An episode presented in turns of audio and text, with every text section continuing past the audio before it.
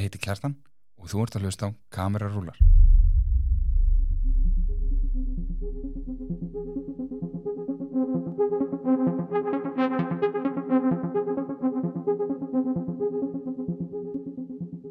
Við erum glaðar að tilkynna ykkur, kæru hlustendur, að við erum komnar í samstarf við netverslunina Hjarnverslun.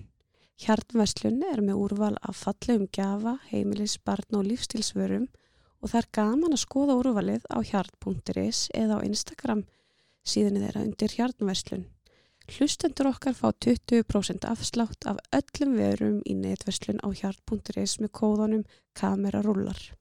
Við erum stöðt hérna í Nóa Sirius stúdíu podcastöðvarinnar eins og þið vitið að þá, þá er, hérna, uh, er þetta svona top 10 þáttur þar sem ég mun taka gestir mín og við rennum í gegnum top 10 uppáhaldsmyndir gestarins nema í þetta skiptið erum við með smá öðruvísi þátt. Í dag ætlum við að vera með top 10 gamanmyndir.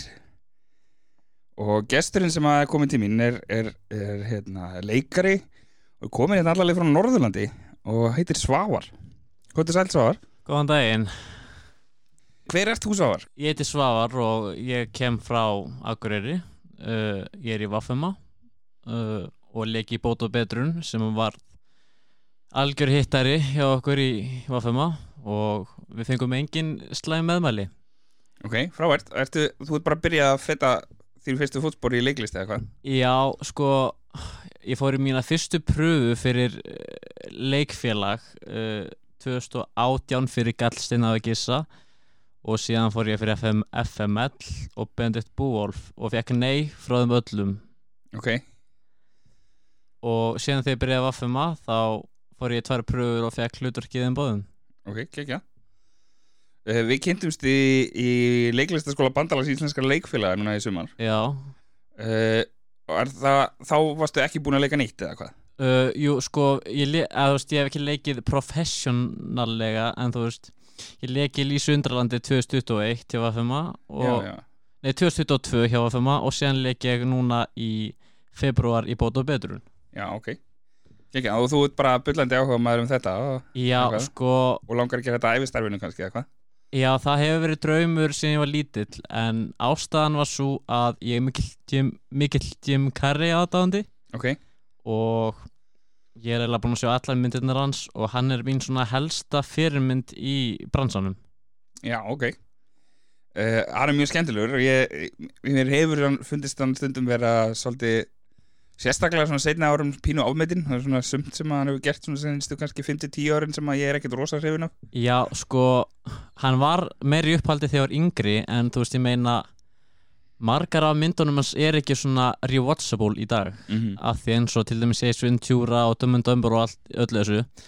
Það við erum, sam, samfélagið er ég myndi segja svolítið vók í dag en á þessum tíma var í lagi að segja bara hvað sem er. Það, er, það er svolítið að verða þannig að það er ekki alveg þú, þú segir ekki alveg sömu brandarana í dag eins og þú gerði fyrir 20 árum síðan. Sem að er einmitt tíminn sem sem að Jim Carrey var svona upp á sitt besta. Er eins og, nú man ég ekki hvaða ára það er sem að, sem að hérna, Dumb and Dumber kemur út. Að þar kemur hann sko með Dumb and Dumber The Mask og er ekki fyrsta Ace Ventura myndin held ég allar á sama árinu. Jú, það er náttúrulega bara bilun þessi gæi er náttúrulega bara ótrúlega virkur á þessum tíma sko gafmyndir in the 90s hann var heldur bara grín kóngurinn á þeim tíma mm -hmm. hann og Eddie Murphy uh, þeir voru bara svona uh, á þeirra palli á þeim tíma Mhm.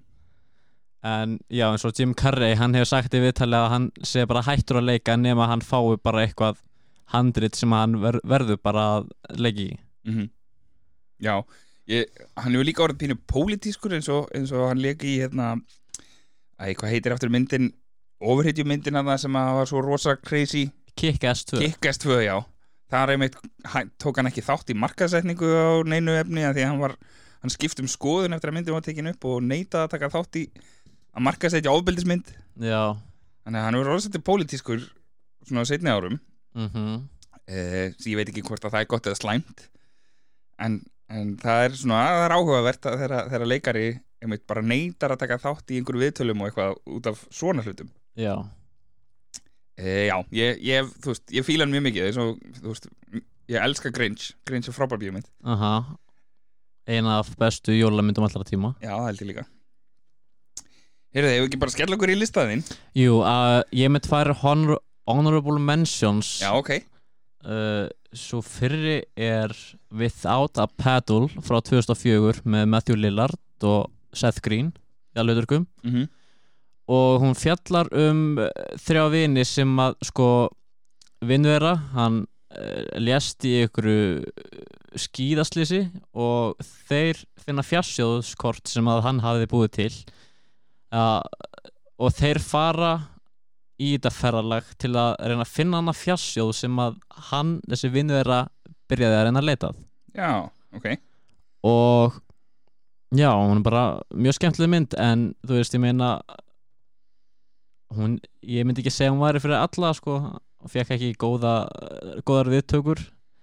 En það er svona early 2000s myndir sem að eru flestar góðar og en allavega ágætar Já, ég mitt fletti myndin hérna upp í símanum hjá mér sko. uh, Hún er leikstýrð af, mynd, af leikstýrunum hérna, Stephen Brill sem Mhm. að gerði mitt líka Little Nicky uh, og og, og, og uh, já, hann tók þátt í hérna Movie 43 og Mr. Deeds, já.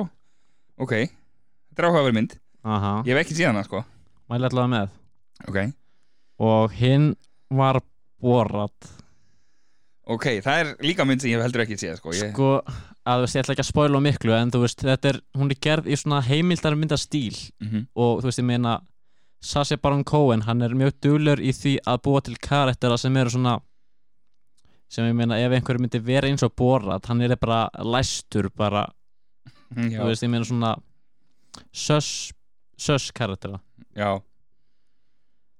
Hann, hann, já, hann, hann það er, Baron Cohen er eiginlega bara, þú veist, þú veist hann er eiginlega svolítið veikur í höfðinu, held ég. Já, hann, hann fer svo langt í þessum karakterum öllum, sko. En þú veist, ég meina, það er ekki mér finnst ekki margir vera að uh, questionan af því að þetta er bara mynd. Og þú veist, ég meina já, Já, ég, ég held líka sko að Sasha Baron Cohen hefði ekki geta gert það sem hann er að gera í dag ef að einmitt menn eins og Jim Carrey hefði ekki komið á undan sko, aha.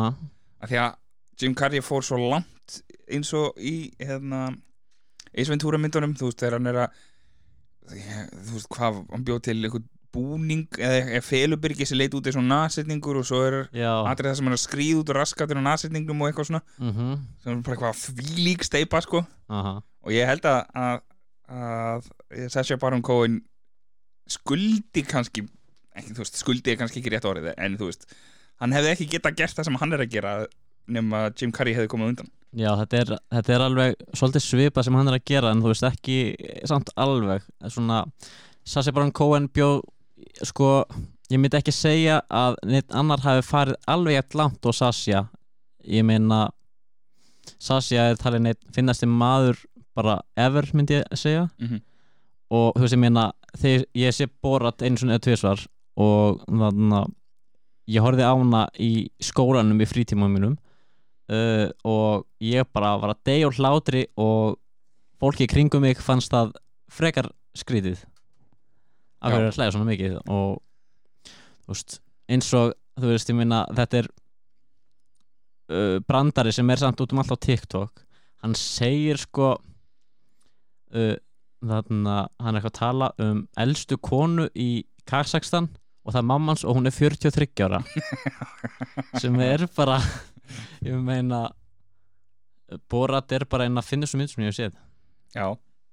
Ég, hérna hún höfðar bara einhvern veginn ekki til mín og ég hef ekki lagt í hann en þá en, en uh, ég finn alltaf fyrir meir og meiri pressu til þess að taka hann einhvern tímann. Einhvern Já. tímann svona þú veist, nú er ég með lista í símanum mínum yfir næstu 500 bíómyndir sko, sem ég ætla einhvern tímann að horfa á sko. mm -hmm. og það, það, þessi listi mun vera til í mörg ár sko, það mun alltaf bætast meira og meira á hann og hver tek, þú veist, þetta kannski tvær, fjórar myndir á hann út, af- út af honum í viku sko, eftir þess að ég horfa á efni sko.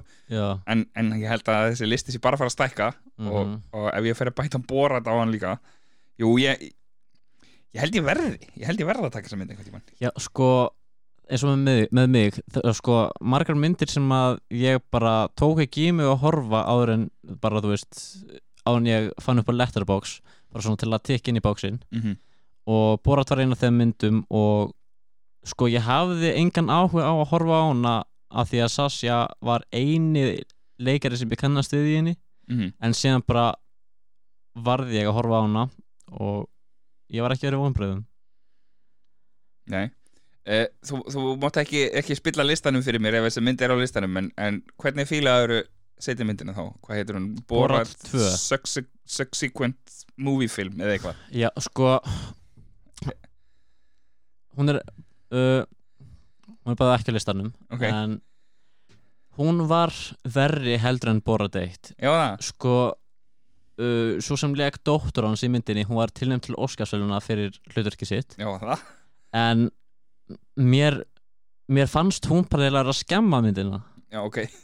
Af því að en myndin eh, snýst eila um samband þeirra tveggja og þarna mér- fannst hún bara mér finnst mér, mér finnst eins og þeir, þau hefðu mátt sleppa því að gera framhald. Já já. Af því að mér finnst þetta að vera svona standalone mynd en, og þurfi ekki að þetta, var, þetta er smá eiginlega bara sömu brandaranir bara settir hann búning. Mm Já, já, já, ég, ég skil það. Ég, eins og ég segi þá, þá þú veist, Sacha Baron Cohen er ekki höfðar ekkert rosa mikið til mín nema, þú veist, jú, mér finnst hann er rosa flottur í eins og þegar hann var í Sweeney Todd til dæmis, mm hann er mjög flottur þar og, og í, í hérna Les Miserables eða hvernig sem maður ber það fram. Já, ég held sk sko þessar myndir sem hann er að gera sjálfur uh, Borat, Bruno og Dictator Mhm. þetta er svona held ég hann að vera hann sjálfur en síðan er hann að leiki svona alvarlegri myndum þar sem hann er betri heldur en í Já, ég sammála, sko, ég upplifa nefnilegt betri þegar hann er að vinna fyrir einhvern annan en sjálfan sig, sko. Já, Ok, uh, ef við þá að skella okkur í tíundasætið, já. Í nummer tíu er My Best Friend's Wedding. Já, býtu, hún er síðan hvenar frá, Ní, 97 ég held ég hafi ekki síðana Allavega sko þessi mynd fjall, sko Julia Roberts, Dermot Mulroney Robert Everett og Cameron Diaz líka í þessari mynd mm. hún, uh, hún fjallar stuttlega um uh, Ju Julianne sem er leikinn af Julia Roberts sem að er sem að fær símtal frá Michael sem er leikinn af Dermot Mulroney sem að segir henni frá því að hann er að fara að gifta sig Mm. og þá verður Julianne bara svo miður sín af því að hún var ástfangin á honum. Ok, og þarna hún reynir hvað sem er, hvað sem hún getur til þess að spilla brúðkaupið þeirra. Bara af því að hún er svo hún vill, hún vill hann. Mm en já, þú hefur ekki séð þessa mynd? Nei, ég hef ekkert séð þessa mynd, sko. Þannig, að- þannig að ég ætla ekki að spóla nálega fyrir þig.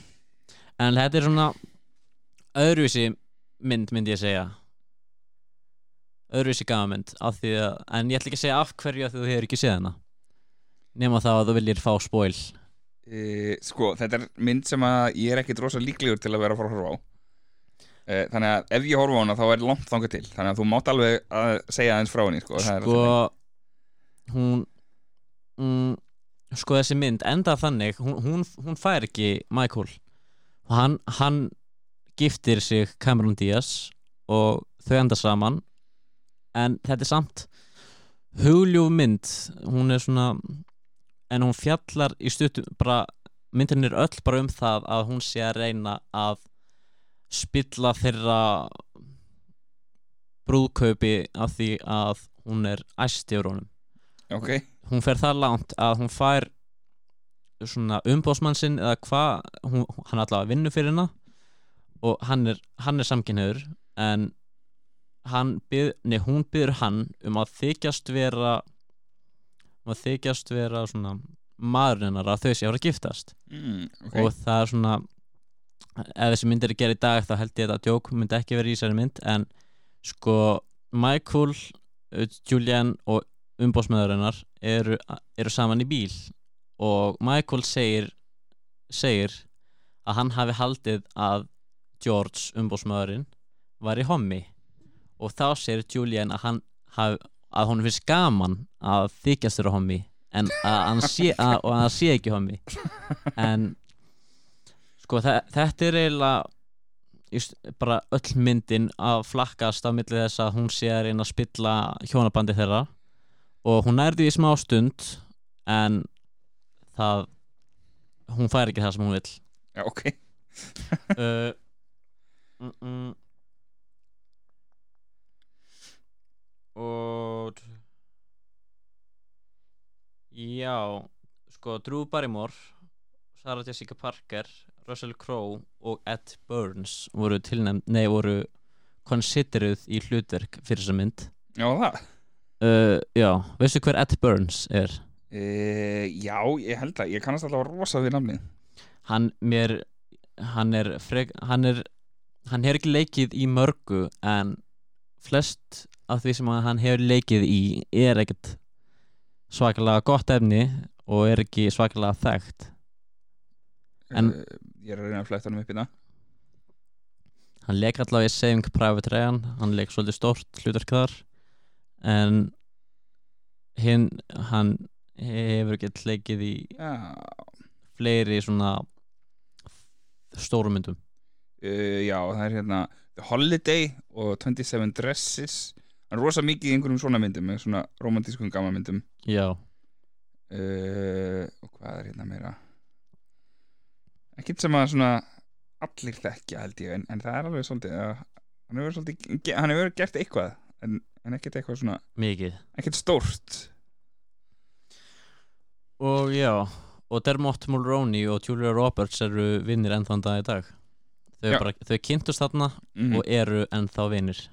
Já, en þetta er mynd sem að ég mæli mjög mikið með sko. ok. Uh, já, eins og ég segi ég, þú veist, þetta er svona mynd sem að maður hefur alveg heyrt um en, en ég hef ekki, ekki séð þessa mynd ennþá. Uh, eigum við að skella okkur í nýjöndasettið eða? Jás. Uh, Númer nýju er líka frá 1997 ok, mynd eftir Kevin Smith. Kevin Smith frá 97 uh, er er er þetta Clerks? Nei, Nei, þá veit ég ekki þetta er Chasing Amy. Ah, Já, það er líka mynd sem ég hef ekki séð en, en er svona, þú veist hef heyrt oft um. Sko Ben Affleck hefur oft talað um það að hann eigi mi mikið að þakka fyrir Kevin Smith af því að þetta er svona myndin sem að kom Ben Affleck á kortið. Mm. uh, en þú veist ég meina hann hafði leikið í eins og Dazed and Confused og svona í svona smarri hlutverkum. Mm en Chasing Amy kom Ben Affleck hann, hann gerði Ben Affleck að svona aðall hlutverka leikara. Ok, uh, og en sko Mir Miramax sem að var fyrirtækið sem að uh, prodúsera myndina og hvað þannig Mhm. þau vildu upprunalega fra, fá Drew Barrymore, Jon Stewart og, John, og David Swimmer mm en eins og, já, Ben Affleck og Jason Lee sem að eru aðhlutverkin og, og Joey Lauren Adams sem að leikja sannar mynd. Mhm. þau leiku öll í Mallrats sem var líka mynd eftir Kevin Smith. Já, já, já. Og Kevin Smith hann bara, hann ætlaði að berjast fyrir því að fá þau þrjú fyrir Ísa mynd að því og jafnvel þótt að hann þyrfti að uh, lækka kostnaðin fyrir myndina mm. hann, mynd, hann vil bara gera hvað sem ætla að fá því myndina sína. Uh, og þetta er líka mynd sem að með svona djókum sem að eru það ekki sem eru svona, ekki, ekki samþyktir í dag. Já eins og Jason Lee, hann leikur Banky sem er svona hann er frekar homophobic hann er með hann kem af því að sko Joey Lauren Adams leikur konu sem að Ben Affleck eru hrifun af Ok, og hún er lesbía. Og og Jason Lee sem leikur Banky hann er hann er ekkert mjög hrifin af þessari konu en Ben Affleck hann er bálskotin í henni. Og þarna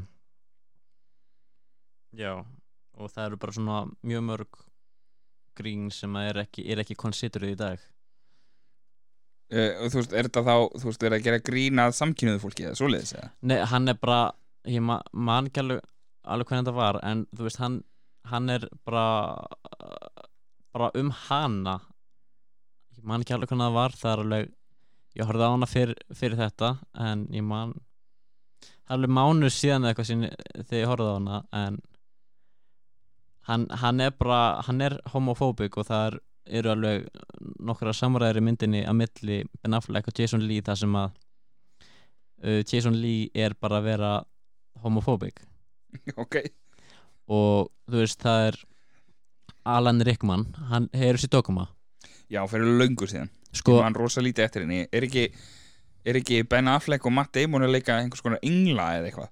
Jú, þeir leika svona erki engla, Loka og ég man ekki hvað henni heitir en allavega Alan Rickman þetta var, er, var hans upp hún fannst, hún fannst þessi mynd það góð að hann vildi fá hlutverk í Dogma. Ok, sem, er, sem mér fannst mjög skemmtilegt af því að Al- Alan Rickman er best þægtur fyrir að leika vondakalla en í Mhm. þessari mynd leik, en í að þá leika hann einhvern sk- uh, góðan engil minnum mig já, já, já. Ok, mm, og þannig að þetta var líka uppáhaldsmynd Tarantino frá 97 Chasing Amy? Já, allavega hann, það var í svona trivja af IMDb þar sem á stóð að þetta var í hans pick fyrir bestu mynd 1997 Vá, það er spes. Ég er mjög hiss á því. Já, þetta er, þetta er líka svona mynd sem að ég hef aldrei haldið að Tarantino myndi elska það mikið. Nei, það kemur mér á óvart að hann sé einhver stóra aðdáðandi þessari mynd. Mm og þú veist ég meina og líka það er svona Kevin Smith hann, hann er með eins og multiverse hann er með svona Kevin Smith-verse mm -hmm. eins og hann gerði Jane Silent Bob Strike Back og allar sem myndir. Já, já, þeir eins og Jane Silent Bob Strike Again þeir eru að setja helling af karakterum sem hafa byrst í hinum myndunum þeirra hans. Mhm. Bara hér og þar í myndana sinnas já, já, já. uh, Þeir, eru svolítið svona eins og, eins og Stan Lee í Marvel myndunum. Svona hoppa inn í allar myndir hans mm Já. Hefur þú séð Jane Silent Bob Strike Again? Nei ég, ég, Sko, ég er ekkit mikil Sko, fyrstanlega er ekki mikil grímyndakall ég, Jú, jú, ég, af grímyndur sem ég séð og ég fíl í bótt sko, en, en ég vel mér sjaldnast að horfa grímyndir Uh -huh. og, og Kevin Smith nær mér bara aldrei sko. Já það er sama hér, mér fannst til dæmis klörksmyndanar bara boring. Og þú veist ég meina ég mér fannst tókma fín. Mér fannst Jane Silent Bob Strike Again góð eða ágætt en framhaldið var leðilegt en Chasing Amy er svona eina myndina sem að hefur náð mér.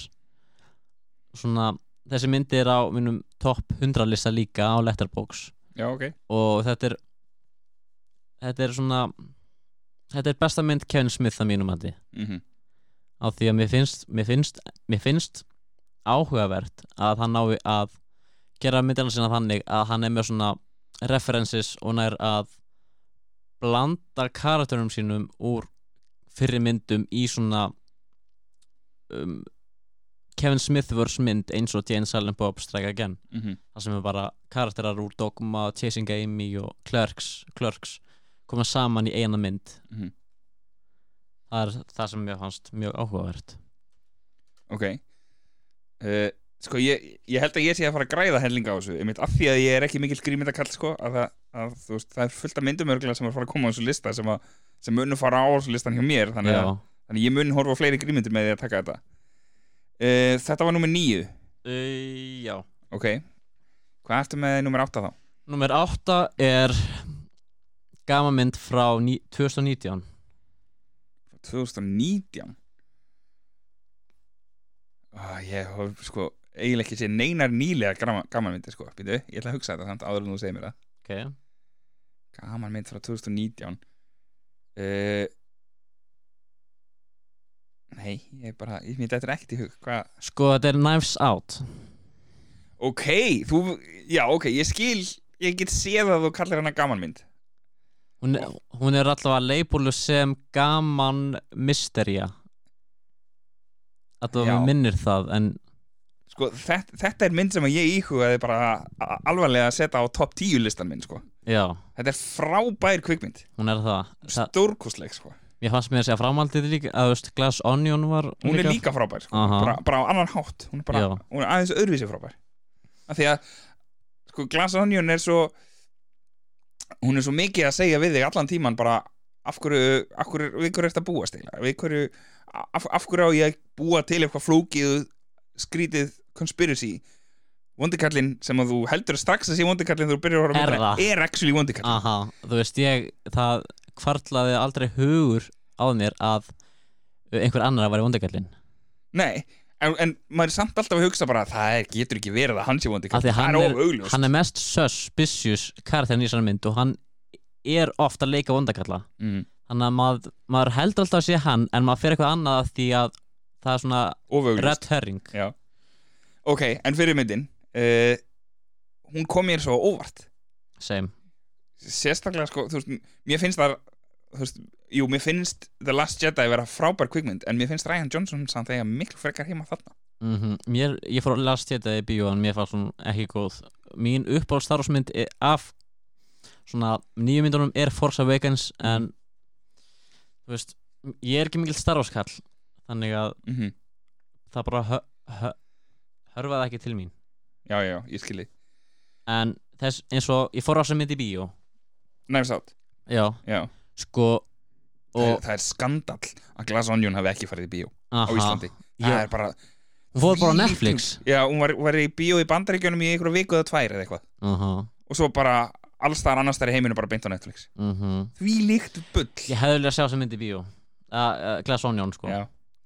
Ok, uh, við skulum Já. reyna að halda okkur við fyrir Já. myndina. Við erum rosa duglegir að fara eitthvað annað. Hva, Hvað er svona frábært við hana? Hva, sko, það er mysterían og sko endrin maður maður sko, þetta er svakalegt plottfyrst sem að kemur síðan í endan mm -hmm. á því að þú veist, ég minna þetta er fjóra ára gömul mynd. En sko hún ef, ef að hann hefði ekki skorið sig á háls þá hefði hann lifað af. Já. Það er en hann var bara, ég veit ekki eins og hvort að hann vissi að því að það voru réttu pillunar sem hann fekk kannski var hann bara suicidal eða eitthvað, ég veit það ekki Nei, ég held að hann hefði ekki skorið á háls ef hann hefði haldið að það væri réttar pillur þú veist, og líka þú veist mér grunaði alla í fjölskyldunni að því að eins og við sjáum svona flashbacks, hann er að til dæmis að Tony Collette og dótturinnar hann er að, hann vill ekki borga lengur fyrir skóla gjöldinnar eða eitthvað mm -hmm. hann er að halda fram Don Johnson eða þú veist uh, Christopher Plummer leikur tengdapappa hans Já hann veit að fram, framhjóhaldi hans við eitthvað aðra konu mm -hmm. og Michael Shannon uh, hann uh, Christopher Plummer er pappi hans og hann er að segja honum burt frá bókafyrirtæki hans Mm -hmm. þannig að ég, mér fannst allir í fjölskyldunum jafn suspicious Já, það, það hafa allir ástæðu til að gera þetta sko. mm og, og þú veist, uh, myndir næra að fá mann til þess að gruna alla. Það er enginn sem er augljóslega ekki morðingin sko. Já.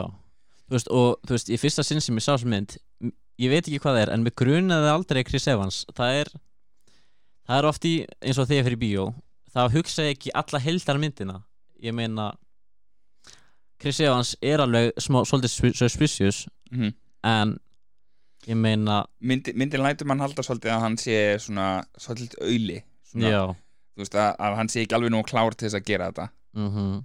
En svo kemur bara í ljósa að það er í rauninni þannig að hann er ekki alveg nógu klár til að gera þetta sko. aha, og hann, hann reynir að svissa pillunum mhm. nema hvað að, að hjúkan eða hjúkunarfræðingurinn að hún, hún óvart rugglar þeim aftur. Já. Og já og, þú veist bara þetta er mjög rugglandi mynd á tímabilum já, maður, maður þarf mjög mikið að fylgjast með til þess að, ná henni sko. og líka þetta með þarna konan sem að Chris Evans drap þarna hann eitraði eitraði fyrir henni eitthvað s- kona sem að var uh, bundin hann, hann var bla, hún var að blackmaila hann já, og já. hann fer með miðan til hjúkunar til að láta hann halda að hún hafi gert þetta já, já, já, já og eins og svona senur í myndinni afvegalega mann svo mikið. Mm og þú veist, maður heyrir að hún segir you did this, you did this eitthvað en hún er að segja Hugh did já, this. já, já, það er svona mm, að því að við fáum að viti fyrir myndinni að hann lætur alla að vinna að kalla sig Hugh. Mm uh, en aðal ásann okkur ég vald setja sem mynd á listan er Daniel Craig í þessari mynd. Hann er frábær. Hann að tala um ykkur að donuts in a donut hole og þú veist bara hreimurinn hans og bara hver einasta vísbending sem hann kemur með eins og í uppljóstrunin í endanum. Maður fær bara gæsa húð og því að þarna, það er svo margt sem hann segir sem að uh, sem að lætur okkur skilja hvað hvað var að gerast og það og það og þegar það kemst upp um hann mm þá fer hann að en, það voru hellinga hnífum já, upp á vegg. og hann, hann ákveður bara að taka einn af hnífunum hlaupa að henni og stinga Já. þetta voru bara allt platnývar já, og það bara það var líka ég held að allan tíma þetta voru alveg hnífar en síðan þegar maður heyrir hljóðið og hann tekur hann úr þá voru bara fake. Mm já. Uh, þetta er líka svo öðruvísi hlutverk heldur en að maður veist, að því að verið svo vönið því að hann sé James Bond, þú veist, hann er harður og mm veist, lemur allir klessu og þú veist, einhver parkour hlaup og príla einhverjum krana hana í, í Casino Royale og, og eitthvað svona, Þe- þetta er ímyndin sem maður hefur að þessum gæja, þá til hann byrti í þessari mynd og hann er bara, leikur þetta bara fullkomlega, bara stórkostlega. Já, þetta var bara þetta er bara, þetta er fullkomi hlutverk fyrir hann.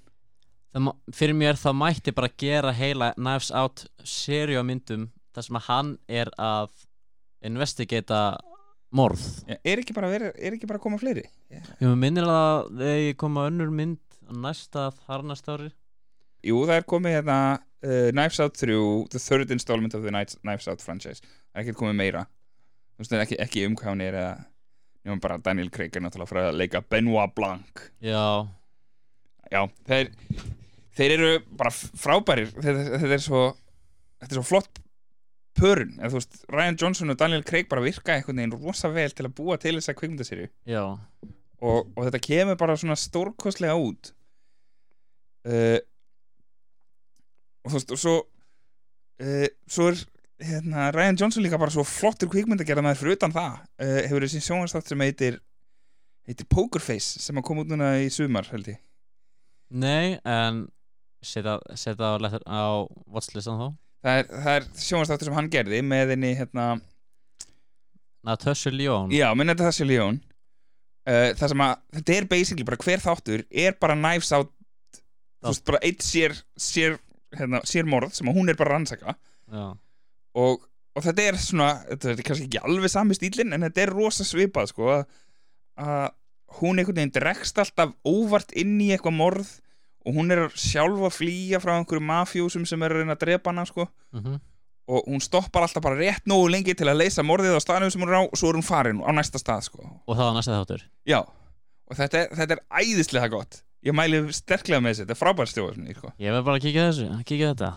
Pokerface, þetta er frábær sjónastáttur mm, Heyrðu, þetta var nummer 8, næfis átt var 8 er ekki? Jeps. Hvað er það á nummer 7? nummer 7 er Hvað það er nær það, Þú veist, nummer 7 er Kingsman 2 tvö, finnst þér tvö betri en eitt? Já, sko, það eru bardaga atriðin í tvö. Hefur þú séð tvö? Já, Mér, það er alveg svolítið síðan, sko Ég bara spólaði gegnum hana af því að, þú veist, ég hafði ekki einsbyggin tíma til að horfa mm En það eru svona atriði eins og atriði þar sem að Petro Pascal, Colin Firth og Taron Edgerton eru, þeir, þeir eru það sem að í þarna the bone, í keiluhöll eiginlega já, bara já. nær endanum. Mm -hmm. og þeir, það byrja eitthvað tónlist og þeir byrja að slást. Ég fekk bara gæsahúð og, og þarna þetta var fyrsta myndi sem ég sá Pedro Pascal í.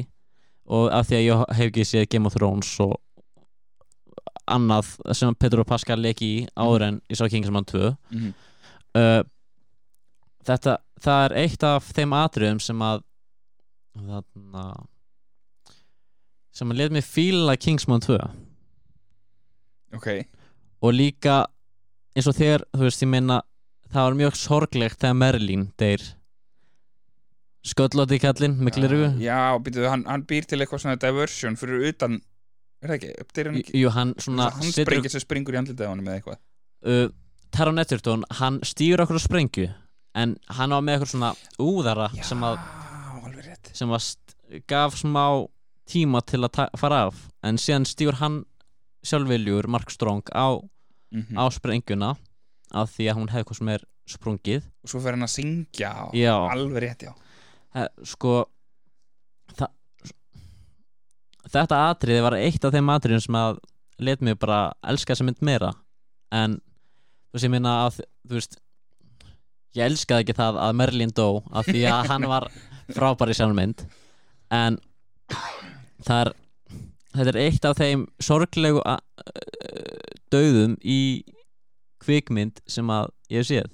Þú veist ég meina ég hef bara gæsa óð og, og, og Colin Firth og Taron Egerton er bara að horfa á hann syngja og með svona tárinu augunum og eitthvað. Mm og síðan bara springur hann og, og þeir fara slást næstu á eftir.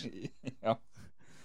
Já uh, ég er bara einhvern veginn á þeirri blæsið að, að þó við tökum bara kirkjuatriðið í fyrri myndinni Já, bara það, toppar allt sem að seinni myndinni gerir. Mhm, það, það er satt. Bara, það er alltaf langt síðan ég sá Kingsman 1 og ég leiti í letterbox allar gafmyndir sem ég séð og það bara ég, ég veit það ekki. Þú veist, mér finnst Kingsman 1 og 2 mm -hmm. heila bara jafn góðar.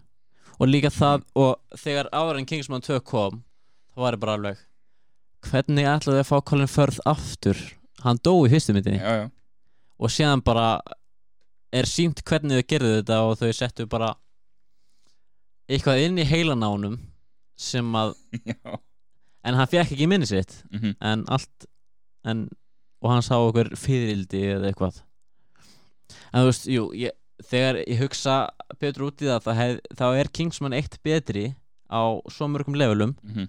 en al, þegar ég setti, setti þessa mynd á hann lista þá var það aðalega loka bardaginn sem að já með, með Elton John og já, já, já. Hann, hann er mjög flottur sko, það er, ég get alveg ekki það. En það, það trubla mig líka kannski pínu í fyrirmyndinni að ég, ég þóleil ekki karakterinn hans Samuel Jackson. Já.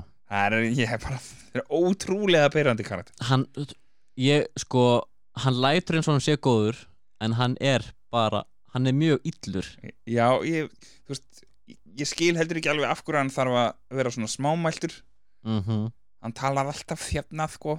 Já, bara, uh, af, hverju, af hverju getur hann ekki bara að tala af En- hverju, en þú veist samt kirkjuatriðið og þarna þegar Colin Firth er á barnum að slást við þessa úlinga mm þú veist, mér varst það bestu atriðin í fyrstu myndinni.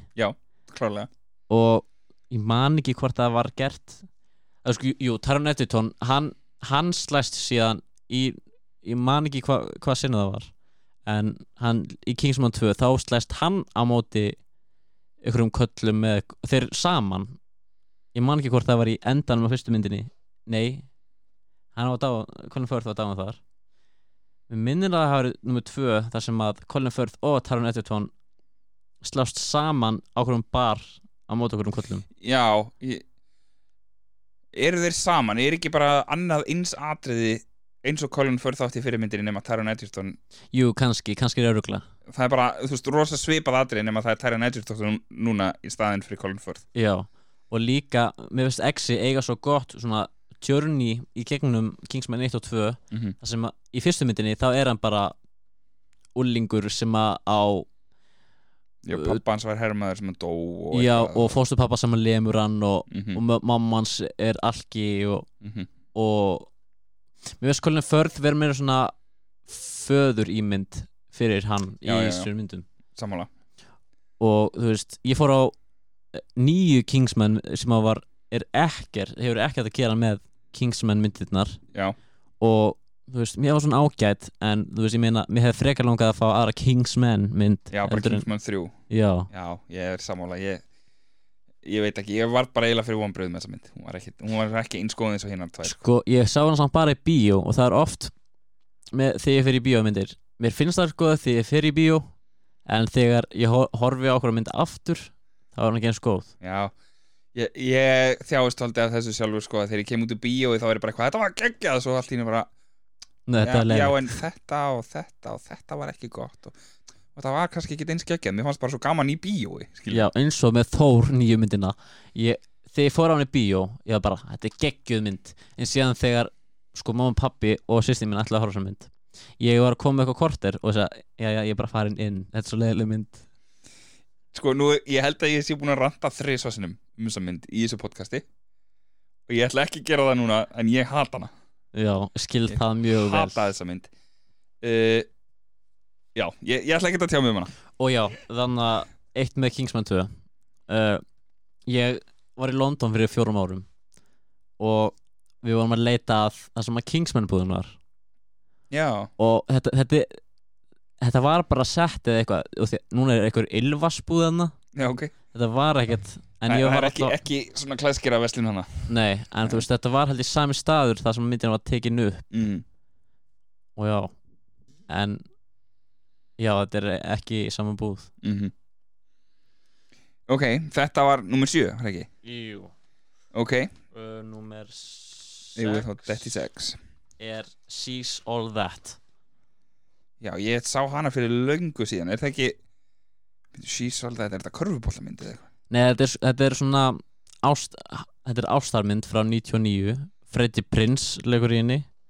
Þetta er svona, og Matthew Lillard og Já, ég er örgulega örgulega við saman við She's the Man er já, ekki? hún fjallar meira um korfbólta Já, já. E eða hafnabólta eða eitthvað, ég maður alveg hvað er, var. er, er ekki She's the Man fjallar hún ekki um mann sem að uh, hættir að vera vinstalli í körfubólta og þykist vera kona til að spila í kvennadeildinni eða Nei, eitthvað? sko það, það er kona. Sko hún er bróður sem heitir Sebastian og hann og hann fór eitthvað ferðarlag eða eitthvað og er ekki hana Mhm. þannig að hún þykist vera þessi bróður hans af því að hún er hrifin af Channing Tatum Já, já, já og hann er í sér liði og hún vil komast nær honum og eitthvað mm uh, en það er eitt sem að bögga mig við síðsvöldlegt og það er það hverjir framleitana Hver er framleitið þessa mynd? Weinstein bræður Já, og Miramax Já. Já. Og þú veist ég meina þeir, þeir prodúsuru samt allar Tarantino myndirnar. En þú veist ég meina það, það, það, það böka mikið eins mikið af því að maður veit alveg að Harvey Weinstein og Tarantino voru vinir á þessum tíma. Mm Er ekki líka, þú veist, nú, nú kannski verð ég leipalaður sem eitthvað einhver, einhver hérna uh, hvað ég segja, gerenda meðvirkur eða eitthvað, en ég, ég á svo erfitt með að, að þú veist, eigum við bara að hætta að horfa á fullt fullt af bíómyndum að því að Weinstein bræður framleitu þér Sko ég, ég er líka þeim mér, mér finnst, þú veist, Weinstein bræður þeir prodúsuru eiginlega hver einstu mynd í late 90s og early 2000s Já, og eigum við bara að hætta að horfa á þessar myndir af því að þeir Já. voru Þú veist, ef þá að hætta að horfa Kevin Spacey myndir eins og Seven og Usual Suspects og bara hætta að horfa allt. Það eru allt og margir uh, svona nöðgarar og allavega fólk sem hefur sakað fyrir svona, sakað um að gera svona hluti. Já, sem að er orðið cancelled í dag en ég meina ef við eigum að hætta að horfa á hverju einsu mynd sem einhver ofbeldismár gerði fyrir mörgum árum þá eh, munum við ekki geta horta eina mynd. Nei, það eru rosa margar myndir, sérstaklega í 90s og early 2000 sem að sem að við gætum bara ekki horta á ef við ætlum að fara að hugsa þetta svona, sko. Já, það er bara held ég að vera engin eftir sko. og sko Freddie Prinze og Matthew Lillard þeir mér finnst þetta að vera meira svona collaboration hjá þeim af því að sko þeir eru saman í Scooby-Doo myndunum þeir eru saman í einhvern mynd sem heitir Wing Commander og Summer Cats. Þeir leikum mjög mikið sam þú veist, Freddie Prinze er ekki með hann er ekki leikið í alltaf mörgum myndum en þeir leiku allavega saman í 5-6 myndum saman. Mm og þarna Sarah Michelle Gellar hún er í hún byrtist í 2-3 sekundur í Cecil That. Ok, og ástæðan verið því var svo að Buffy þættinir voru teknir upp í sama skóla. Já, ok. Og þetta var, ég man ekki hvort hún var í pásu eða eitthvað, en hún fekk bara svona hidden cameo eiginlega. Mm og og eins og með Kieran Culkin þú veist hver það er? Já, og ég er nýbúin að vera Ég er nýbúin að klára Succession ég er alltaf að byrja það er alltaf mikið sem ég á eftir að horfa. Já, Kieran Culkin er frábærleikari Aha. Ég elska Kieran Culkin og þú veist hann var ég, mér finnst að hann hafa verið mjög mikið af svona litlum hluturkum in the 90s eins og Home Alone og uh, the Bride og hellingar svona gamamyndum mm -hmm.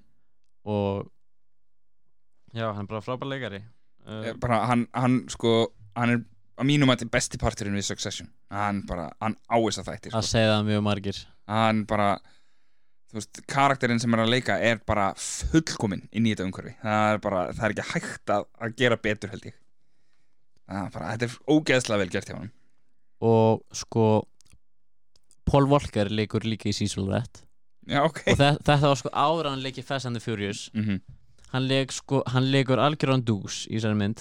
Uh, og sko myndin fjallar eða um það að þetta er sko kærasta Freddy Prince hætti með honum fyrir Matthew Lillard af því að hann var í ykkurum uh, reality show sem hétt vá, ég man ekki svona hvað hann heitir en þetta var hann, já, þetta var ykkur svona reality TV þættir og hún kynnti á svona okkur strönd eða eitthvað og þau byrjuðu saman og þá byrjar svona bet í gangi.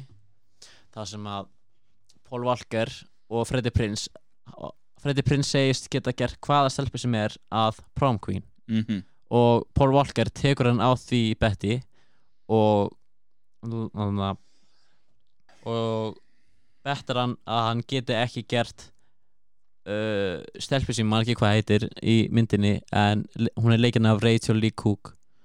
Uh, og Freddie Prince byrjar að umgangast hana í hvað sex vikur þangað til að, að þetta, þessi mynd fjallar eiginlega bara um að, allt sem gerist af þetta ball, þetta prom er. Mm og og já, síðan segir, síðan eru Paul Walker ástfangin af henni eða eitthvað í eila í blá endan eða hvað sem er bara til að reyna að spilla Freddie Prince. -hmm. uh, og er aðalega bara til að geta sofið hjá henni Mm -hmm. og, og já og þú veist hápunkturinn í þessari mynd er það að þegar Matthew Lillard er að dansa hann dansar í einhverju partí sem í þessari mynd mm. og þú veistu hvað mynd He's All That er Nei, ég hef aldrei heyrt um hana sko það var hún er þekkt fyrir að vera eina vestu myndum sem að Netflix hefur gefið frá sér. Ok. Og sko Matthew Lillard leikur sko skólastjóran í þeirri mynd. Og ég hef ekki séð myndina en ég sá loka atriði bara á TikTok. Mm. og það, þar er hann að dansa við sama lag og hann, og hann dansaði við því That en hann er að hann, leik, hann er ekki að leika sama hlutverk en þetta er bara svona smá svona reference í fyrstu myndina. Mm Usher leikur í sér mynd. Er ekki hérna Not Another Teen Movie er í rauninni svona spúfmynd af þessari? Já. Já. Hún er, eiginlega- hún er að spúfa svona late 90s uh, táningamyndir eins og Varsity Blues og þessa mynd og Er ekki, leikur ekki Chris Evans í Not Another Teen Movie hérna karakterin sem að í rauninni e, hann Freddie Prince Já, sem Freddie Prince Jr. já, já, já, já. það er já, þú veist þetta er eiginlega bara That nema svona meira að gera grín af Svona myndum. Já, mm -hmm. og það er það er líka að vera að gera grín af Breakfast Club og svona 80s myndum. Það er rosa langt síðan ég sá hana sko. ég hef aldrei séð That. Mm en en ég sá, sá Another Teen Movie fyrir veist, 20 árum eða eitthvað. Bara þegar hún kom út? Já. En já, þetta er já, þetta er bara þannig mynd sko. Mm Ok ég... Kærastan mín verður örgulega hissa þegar og ef ég sting upp á því að við horfum á She's All That Ha. nú hefur hún séð hana? Nei, e, ég er bara ekki vanur að stinga upp á því að horfa á svona myndir sko. Já, en þú en veist hún hefur potið, eða þú veist, jú, getur vel verið hún hefur séð hana og mér þetta er mjög líklegt sko. En, en, en það myndi mjög óvart ef ég myndi segja að hérna var verið að mæla með þessari mynd í podcastinu. Allavega sko ég komst að þessari mynd sko fyrir tveim árum og ég hef hort á hana allavega fjóru sinnum síðan þá. Já, ok. Og sko, ég veit ekki mér, ég fæ svona þetta er mynd sem að mér líður vel er að horfa á. Mm þetta er svona gildi, þessi mynd er með 5,9 á IMDb en þetta er svona my guilty pleasure. -hmm. uh, af því að ég hef svona soft spot fyrir svona late 90s, early 2000s svona táningamyndum Mhm. af því að já, ég veit það ekki bara af því að bara svona að því að lífið í Ameríku í háskóla og eitthvað er allt annað en hér Mhm. og það er bara svona maður hefur bara svolítið spot, soft spot fyrir því Ok uh, Já, uh, hefur eitthvað meira um mynd að segja? Eða ef að, Nei, ef að ég hef hoppa ekki í meira að segja um hana sko Þetta var nummer 7 Unni, nummer 6 Þetta var nummer 6 Ok, þá skulum við hoppa í 5 Nummer 5 er jólamynd. Já, ok, það er ekki ekki Jólamynd. Uh, Jólamynd, grínmynd Við erum búin að vera að tala um Jim Carrey. Er, Mér dettur annarkvort elf eða Grinch í hug En ég held að það sé Nei, það er ekki. Nei, ok. Þetta er Love Actually. Já, ok. Sko, Ok. þetta er mín uppáhalds jólamynd og þetta er held ég eina jólamyndi sem ég hef hort á hver einustu jól. Ok. Og sko í fyrsta lagi er he, þú, þú hor fyrst horf þú á hana hver einustu jól? Nei, það var langt síðan ég sá hana síðast. Uh, Ég horfi Þú veist, mér, mér finnst rosa gaman að horfa á The Holiday og, og hérna uh, Hvað heitir? Hérna Hinn er nú ekki, alls ekki grínmynd Hérna It's a Wonderful Life Ég, horfi, ég held ég hafi hort á hana sko öll seinustu ár Svona, seinustu 5-10 ár hef ég hort á It's a Wonderful Life. Næs Frábær bíómynd. Sko það er líka bara er svo skemmtilegt kast ég meina mm -hmm. það var held ég feng, reynd að fá hvern einasta fræga breska leikara til að leika sér mynd. Já, og þú veist ég meina við hefum Alan Rickman, Hugh Grant Colin Firth, Emma Thompson. Mm svona stæstu nöfnin í Englandi voru fengið í sér mynd. -hmm. og þú veist samt uh, það besta af þessa mynd fyrir mér er Bill Nighy sem er leikur Billy Mack. Og því ég veit ekki alveg af hverju en hann er bara svona mér finnst hann að vera meira svona mesta komikur við líf í þessari mynd. Mm -hmm. Líka því að Bill Nighy er ekki hann er ekki þekktastur fyrir að leika í gamamyndum Nei, það er ekki, ekki mikið í því. Og sko allar þessar þetta, þetta eru nokkrar sögur settar eina mynd. Allir þekkjast á einhvern hátt í hverju sögu. Mm -hmm. eins og Emma Thompson leikur systur Hugh Grant og hún er kona Alan Rickman. Og þú veist ég meina mm, en sko Billy Mack og umbóðsmaður hans þetta er svona eina sagan í myndinni sem tengist engum. Þeir eru bara svona svona það er bara af því að hann Chris, þetta lag sem hann er að gera það er það á að vera umulegt jólalag eða eitthvað. Ok. En þeir eru að reyna að fá það upp á topplistan bara til að sína að allt sé hægt Já, já. I guess. Mm -hmm.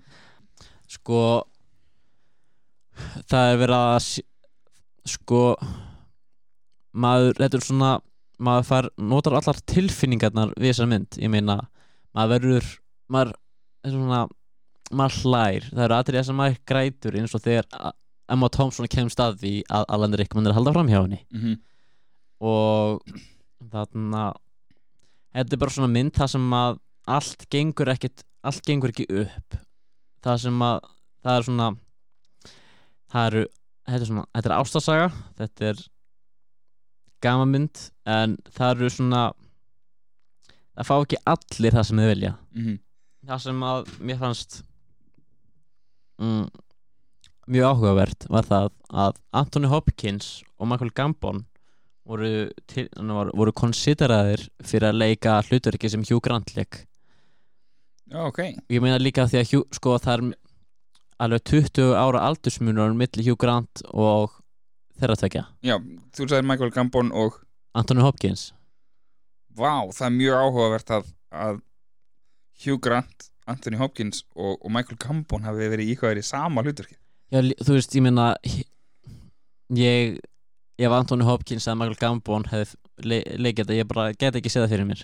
En sko þeir eru náttúrulega, þú veist, þetta er náttúrulega alveg, hvað er 20 ára gömul mynd. Er ekki? Frá 2000 og, 2003 já, hún er 20 ára í ár. Já, Þannig að þú veist, jú, jú, Anthony Hopkins og Michael Gambon voru alveg 20 árum yngri þá En mér alveg sama. Þú veist, já, Það er mjög skrítið að, að setja þessa þrjá gæja svona pæli þeim þremur í sama hlutverkið. Það er mjög þykja það mjög áhugavert. Já, líka bara mikill aldurspyrnur samt á milli. Mm -hmm. og sko Kira Knightley hún var sko 19 ára þegar leikið þessari mynd. Já, ok og sko Shivetel Aifor sem Mhm. að leik, sko, leik mannin hann í þessari mynd hann var alveg hvað rétt um tíu árum eldri eða eitthvað. Já, og bara ok. rétt rétt að vera fullorinn eða orðin fullorinn að leika á móti leika það sem ég meina það er ekki það, það söst þannig segja því hún var orðin fullorinn en ég meina Já, já, þau eru ekki að leika fólk sem að eru þú veist, já, gamalt og þau eru raunveruleikanum. Já, þannig að þú veist það er oft hægt að leika fólk eldrað, svolítið mikið eldrað yngre en maður er sjálfur, sko.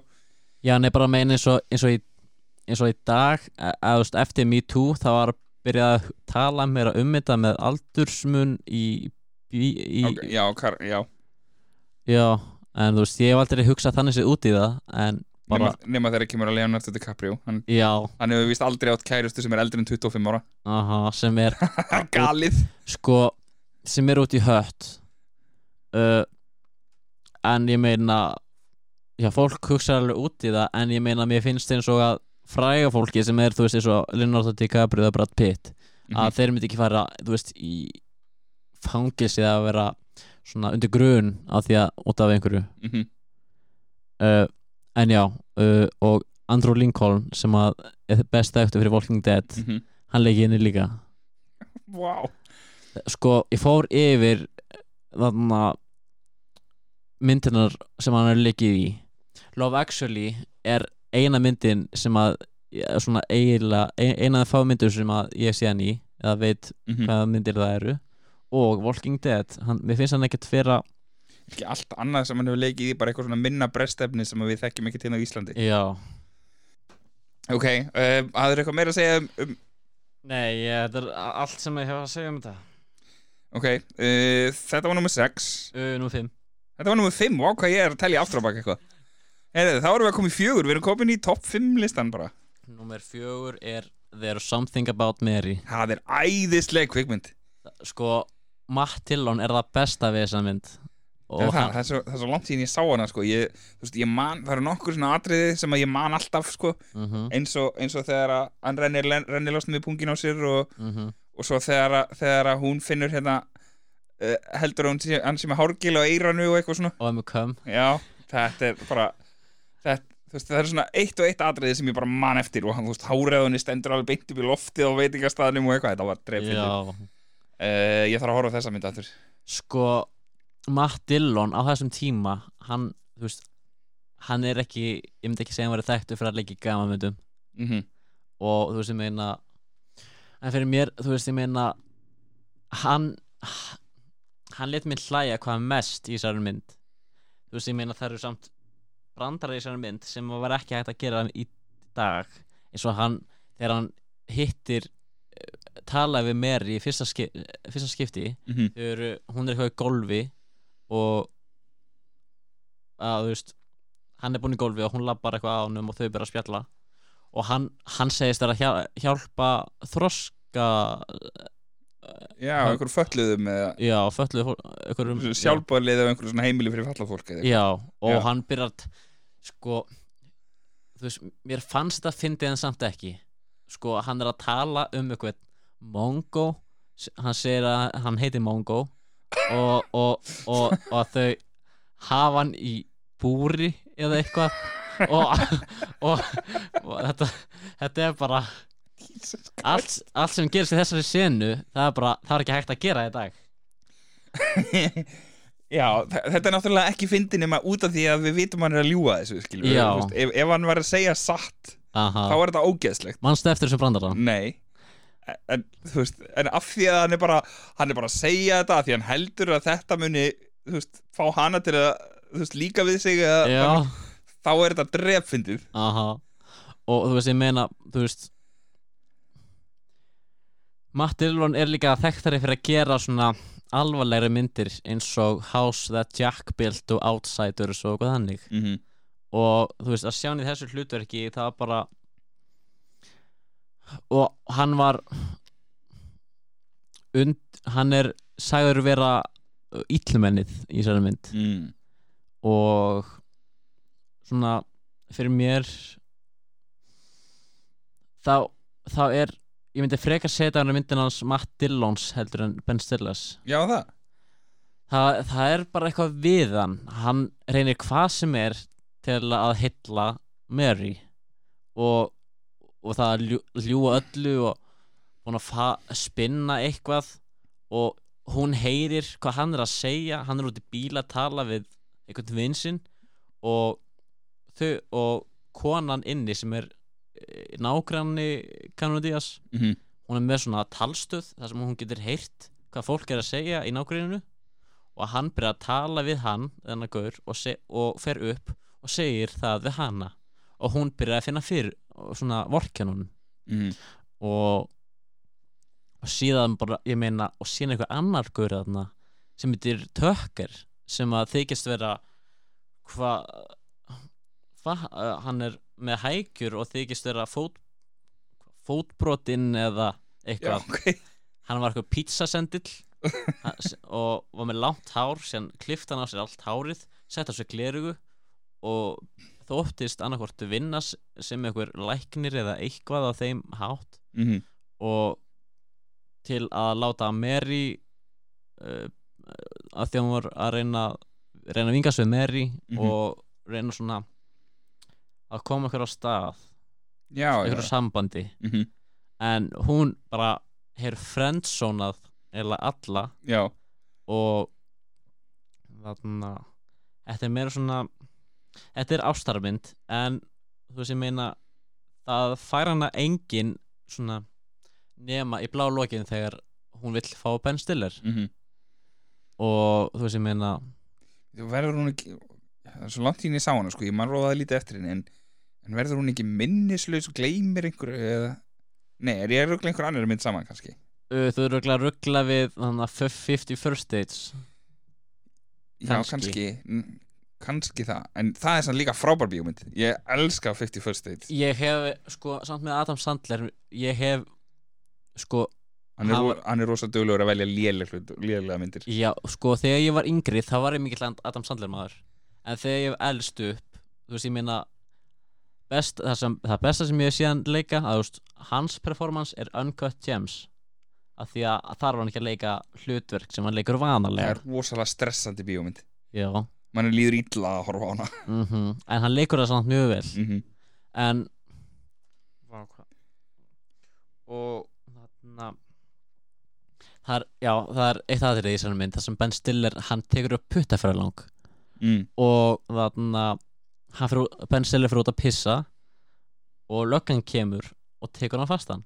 Að að, og síðan finnst einhver svona body bag inn í bílnum hans. Ok, og þeir, það eru tveir lögregluminn sem halda að hann hafi drep limlestað af manneskjörni í, í, í bodybaginu. Mm og þarna en þá er það putaferðalangurinn sem hann var með já, lík með sér. Aha og þarna annar lögreglumæðurinn byrjar að berja hann í borðið og að því að hans og að því að þeir er að þeir eru ekki að koma sér alveg að efninu. Mm. þeir segi nákvæmlega hvað gerðist. En þeir eru bara veistu hvað þú gerðir? Að því að sko Ben Stiller hann veit vel að það er þarna ólöglegt að taka putta fyrir lang.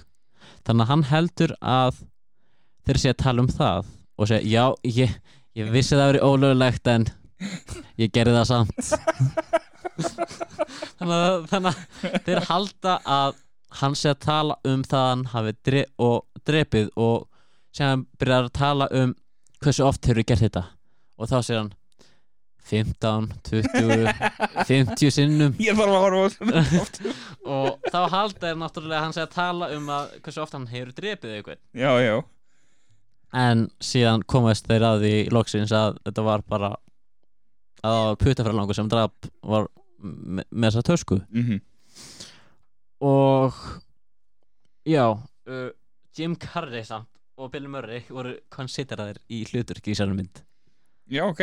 Jim Carrey var, var konsideraðir fyrir Ben Stiller og Bill Murray fyrir Matt Dillon. Mm Sam, ég meina þó, jafn mikið að ég elska Jim Carrey þá get ég bara ekki séð hann í þessu hluturki Sko, já, ég þarf að sjá myndin aftur. Það er alveg klart mál. Þetta er, hérna Þetta er æðislega bíómynd og ég þarf virkilega að horfa á hann aftur. Mm -hmm. Þannig ég var erfitt með að gera mig grein fyrir hvort að Jim Carrey passar inn í hérna, ég meina líka ég meina, ég meina sko líka að því að Ben Stiller hann er svona hann er ekki svona hann er svona á lærri nótum. Hann er bara svona tala venjulega og hann er ekki að fýblast mjög mikið. En Mhm. þú veist ég meina ef að Jim Carrey var að lýsa hann mynd ég held að hann myndi bara vera út um allt. Mm og ég meina ég efast um ég efast, ég veit ekki alveg hvort þessi mynd yrði jætt klassísk ef að Jim Carrey hefði verið slutverki Kannski ekki. Hann, hann er náttúrulega, hann er svo yktur sko. Hann, hann, hann er svo oft svo rosa yktir karakterar og svo mikla svip, mikil svipbreiðu og eitthvað. Mm -hmm. Þannig að þetta hefði verið svolítið öðruvísi mynd. Já. Já, en já, ég er búið með alla mína punkta. Ok. Uh, Já, ég veist, Ég man allavega eftir að hafa fílað þessa mynd í botn. Mm og, og með það sem að þú veist ég er að rifja upp þegar, þegar, þegar þú ert að tala um hana sko, þá, þá er hún klárlega að fara á áhörfslistan þannig að hún verður tekin. En sko líka, þú veist, ég meina en við veist samt eins mikið og samfélagi dag og revók þá, þá langar mér samt að þessi mynd sé til. Þannig að þá finnst mér gott að þessi mynd var gerð, þú veist, in the 90s og en ekki, þú veist, ég meina þessi mynd, ef hún yrði gerð í dag og samfélagi verið ekki vók, ég efast um að myndin er rétt góð en bara sko, þú veist, stúdíón líka eru held ég bara oft orðin svolítið hrætt við að ganga eitthvað langt. Já, þú veist samfélagið okkar verður bara að vera þannig að það sé hægt að gera grín að flestu allavega, þú veist. Já, ég, ég er allavega þeirra skoðunar þú verður að geta í grínmynd sagt sem bara fjölbreytasta brandara það sé ekki allt eins bara eitthvað að þú veist það með ekki móðga neitt og eitthvað þú veist, þá virkar ekki húmór ef þú getur ekki móðga neitt og ég meina fyrir þú veist 20-30 ár þá er það sem er í dag í lægi, það er örugglega ekki í lægi eftir 30 ár. Mm -hmm. þannig ég meina þú veist, ég meina fyrir 20 árum ég meina fólk gæti ekkert spáð í framtíðin og séð hvað að vera ólöglegt eða svo er svona illa séð eða hitt og þetta. Ég meina, ég efast, veist, ég veit það ekki að ég er ekki til þá en þú veist, ég meina ég efast um að 98 eða þú veist, innan 90s að fólk þessi brandarar að þau hafi vita að það er svona illa séð í dag. Og já, ég meina maður getur aldrei séð fyrir fram 20 ára oft í fram í tíum já, algjörlega. Heyrðu, Something About Mary var nummer fjögur. þá erum við að detti nummer þrjú. Það er mynd frá 2010 2010 Hangover. Nei. Nei, þá veit ég ekki. Scott Pilgrim Já, það er líka mynd sem að ég þarf nöðsynlega að setja aftur á listan sko. mm Ég þarf virkilega að sjá þessa mynd aftur Það er svo mikið talað um hana Þetta er svo vinsæl mynd Sérstaklega hjá kvikmynda og fólki sko. -hmm. Og ég sá hana bara þú stuttu eftir hún kom út Og ég hef bara ekki hort á hana aftur En ég þarf að sjá þessa mynd aftur fannst, þér kannski ekki það góð á sínum tíma e, Ég held ég hafa bara ekki fattað hana þá En Þú veist, samt svona ef ég hugsa tilbaka Þá er þetta frábær bíómynd sko. mm það er sko líka sko, sko fyrir mér þá er sko mér finnst Kieran Kölkin það best, besta mynd þannig séð mm -hmm. þú veist ég meina, mér finnst Michael Cera bara að leika Michael Cera, hann er hann er batnalegur og hann er þú veist, svolítið narsistik en ég meina, það er ekki ég meina, hann á kærustu sem, sem er samt þannig underaged Mm -hmm. og hann er hvað, tvítugur eða eitthvað minnum mig og hann verður ástfangin af Ramónu sem að hann sér í draumum sínum eitthvað. Og síðan þarf hann bara eitthvað að berjast á móti einhverjum sjö illum kærustum fyrirhundi kærustum. Já, já, já. og þú veist, ég meina mér finnst konseptið í þessar mynd þetta er, mér finnst þetta að vera mjög svona mjög svona þetta er mjög basic. Já, samt frek, svo, svolítið original á þann hátt hvernig, Edgar Wright setur þetta saman? Mm af því þessi mynd lítur eiginlega bara út eins og teikinu mynd að segja já, já, er, er hún ekki byggð á tölvuleik? jú, minnir það en ég Þetta er man, allavega upprunalega hafi þetta verið tölvuleikur? Eða kannski mynda segja, ég maður ekki. Já, ég, það, mér minnir alltaf að koma alltaf að mynda segja um Scott Pilgrim. Mm -hmm. uh, og bara hvernig hann setur þetta saman mér finnst það mjög flott. Mér sko, þetta er gaman mynd þetta er, þetta er gaman aksjón mm. og, og ástarsaga. -hmm. þannig að mér finnst hann blanda sér saman á mjög góðan og original, og original hátt. Mm en þú veist, það er, er svo það sem mér finnst svo frábært við hana allavega, þú veist, þegar ég hugsa tilbaka ég er náttúrulega langt síðan ég sá hana, sko. En þetta er svo einföld hugmynd. Veist, þetta, þetta er ekkert eitthvað veist, það er það sem ég meina þegar ég segi basic, sko að, að, veist, þetta er ekkert, það er ekkert verið að flækja þetta nýtt mm þetta er bara gæi sem er skotin í einhverju stelpu og hún segir, ok, en þú þarft að slást við sjö fyrirverandi kærastana mína. Veist, þetta, þetta er basically myndin, mm en sko líka máli sko, mér hafa sett mjög fyndið. Hann fara eitthvað tölvupóst frá einum af þessum illum exum mm -hmm.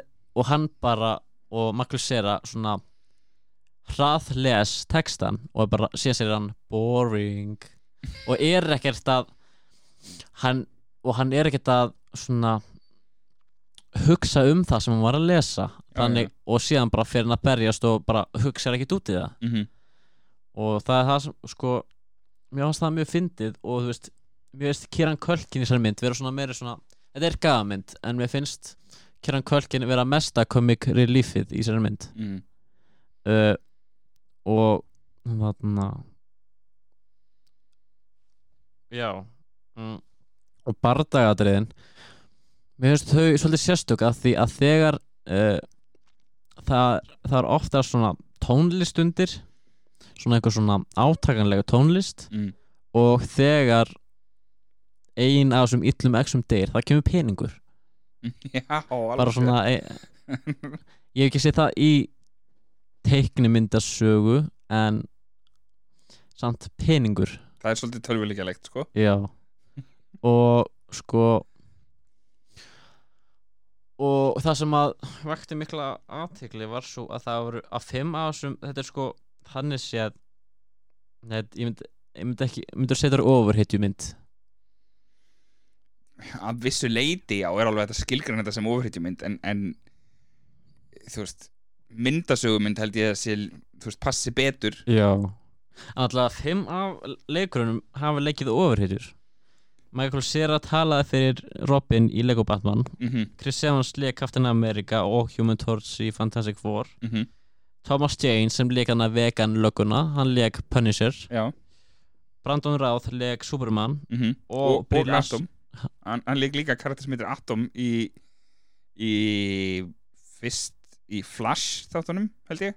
Nei, Green Arrow. Já, og svo held hann áfram að leika þann karakter í, í hérna einhverjum mann ég ekki, það var tímaflags þættir sem að voru byggðir líka þú veist, á Arrow, Green Arrow þættinum og Flash. Vá. Uh, ég man ekki hvað þátturinn heitir. En já, Brandon Routh leik karakter þar sem ég heit Atom. Mm og Brie Larson leik Captain America. Nei, Captain Marvel. Mm og já, það var bara mjög, ég las það fyrst bara í þarna trivia, af því að ég pældi ekkert mikið í því og þannig að ég ákvað að bæta þessu við af því að maður þetta áhugavert Mhm.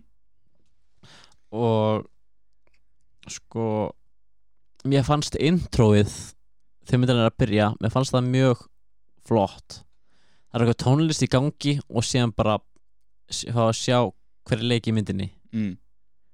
og já, ég veit ekki hvort að þú mannst eftir því en Nei, ég man, ég man svo lítið eftir myndinni sko. ég, þú veist, eina sem að ég veit þú veist, sem ég veit um myndina er basically eitthvað sem að ég hef heyrt aðra tala um eða séð bara eitthvað brot úr myndinni á YouTube eða þannig að ég man eiginlega bara ekkert eftir þessari mynd sem er eiginlega synd sko því að, því að í minningunni fannst mér hún bara fín mm -hmm. og umræðan um hana er alltaf þannig að þetta sé bara stórkostlega mynd og ég er bara ég þarf að horfa á hana aftur ætla að mæli mjög með því ætla að uh, Robert Pattinson og Sebastian Stan voru konsideraði fyrir hlu- hlutverki í sér mynd. Ég man samt ekki fyrir hvaða hlutverk en ég efast um að þeir hafa verið konsideraði fyrir skott Já, það er mjög mjög ótrúlegt. En það getur verið hlutverki eins og Chris Evans til dæmis. Já, ég, það sem ég myndi halda á sko. Uh, Hvað, hvað er Sebastian Stan gammal? Hann er 80 80, 82 módel. Þannig að hann hefði verið svona 28 ára á þessum- tíma. Mm -hmm. uh, og já. Sebastian Stan var ekkert það þekktur á þessum tíma. Ég, Sko, ég man ekkit eftir Sebastian Stan og Chris Evans þar fyrir utan, jú, auðvitað í Fantastic Four, en ég man ekkert eftir Sebastian Stan fyrir en bara í First Avengers, sko. Já, segjum hér. Og, og það að Scott Pilgrim hafa komið undan þú veist ef að Sebastian Stan hefði verið í sér mynd hann var bara svona svolítið no-name í, á þessum tíma sko. Ég er ekki viss um að Chris Evans hefði leikið Captain America nema út af þessari mynd, sko. Já, ég held það líka. Nei, býtu, hún kemur 2010 nei, hún kemur 2011 Captain America. Á, Scott, Scott Pilgrim kemur 2010 Captain America 2011 Já, ok. En sko Ég meina það er ára á milli. Ég held að þarna, það hafi verið leitað af leikurum alveg svolítið áður. Sko, Scott Pilgrim kemur 2010 uh, er, er hún þá frumsýnd almennt í bíó um þá? Því að alla, hún, kem, er komin því- út 2010 þannig að hún er kemur í bíum 2010 mm -hmm. Þegar ég veit sko að, að þegar að þú veist það voru Comic Con uh, eitthvað áður en að myndin kemur út almennt í bíóum sko, þá var hún sínd í einhverjum svona leini sýningum á Comic Con Og Scott Pilgrim? Já, og ég veit ekki hvort að veist þessi dags, þetta ártal 2010 er þær sýningar eða hvort það eru almennar bíósýningar Já, ég er að velta því fyrir mér sko, hvort, að, hvort hún hafi verið sínd í á Comic Con þú veist 2008 eða 9 eða eitthvað löngu áður en hún kemur út í bíóm sko. ég er að velta því fyrir mér sko. en það kemur ekki óvart ef að það verið ástæðan okkur hann fekk hluturkið Nei, uh, allavega með það sem að þú veist, ég hef náttúrulega séð svo stóran part af þessu mynd, úr þessari mynd af TikTok og YouTube og eitthvað mm -hmm. Þannig að þú veist, með það sem ég séð þar en eins og ég segi, þá hef ég séð hana en mann ekkert eftir henni. Uh, en þá bara, þú veist hann er bara flottur í þessari mynd og, og ekkert ólíklegt að hann hafi verið valinn sem Captain America út af því sko. Mér fannst hann samt ekki vera mikið í þessari mynd samt. Hann var kannski 5 mínútur. Nei, er það ekki bara barndaginn hann sko? Já, sem var búið. Já. Mér finnst hann ekkert, spe- ekkert sérstakur í, í Fantastic Four sko, hann, hann stendur ekkert upp úr þar. Nei Hann er bara að leika sjálfan sig Já, hann, hann er, já, hann er bara er bara þarna. Já, Ok, uh, þetta var nummið þrjú. Jás. Þá erum við að koma í tvö, við erum að koma í síðustu tvær myndirnar. Uh, Númer 2 er uh, Jim Carrey mynd. Jim Carrey mynd. And Dumber eða Cable Guy? Nei, Hvorug? nei, Ace Ventura þá? Nei. Ok, hvað þá? Sko, þessi mynd er mér að tala sem dramamynd en þetta er samt gamamynd Ok. Þetta er Truman Show. Já, og já, ég get alveg skilið að, að uh, maður kalla hana gamanmynd Hún er náttúrulega, þú veist, þetta er svona comedy-drama Já, þú veist ég minna þetta er ég lít meira á þetta sem svona drama en það sem hún leipuluð sem gamamynd líka og Mhm. það sem er þetta er, þetta er eina mínum uppáhaldsmyndum þá þurfti ég eiginlega bara að setja hana með uh, Þetta er mjög áhugavert konsept að þú veist að þú, að einhver taki einhverja mannesku og ljúi aðinni allt hennar líf bara þess að búa til sjómanstáttum hana. Þetta er bara sick. Þetta er ógeslegt, en þetta er mjög áhugavert konsept fyrir bíómynd. Já, þú veist ég meina mér segja að besti vinur hans er ekkert vinur hans. Mm -hmm. og konan hans er bara er gift öðrum manni af því að ég meina hún er ekkert alvöru gift trúmann sko. Mhm. þetta er bara mannvonska og líka því að ég meina ef þetta væri þarna, fjölskyldans og vinir það, ég meina hver myndi vilja helga lífi sínu í einhvern sjónastátt og vera þar eða alltaf og vera aldrei heima hjá sér Mhm. eða hitta alvöru fjölskylduna sína Já, um mitt og, það er líka skrítið að koma að því allt í einu að allir sem að þú elskar allir sem að þú umgingst á hverjum degi uh, eru bara þykjast vera vinniðinir að þykjast elska þig, að þykjast vera börnin þín að þykjast, Mhm. það var allt í þykjastunni allt, Já, og þú veist bæjarfélagið þitt er byggt upp í kringum þig til þess að allir hinir geti þóst vera vinir þínir og, og ættingjar og kunningjar og og sko maður, við fáum að sjá meira að segja fólk ut, utan þennan heim bara er að horfa á þetta allan daginn. Mm þú veist, ég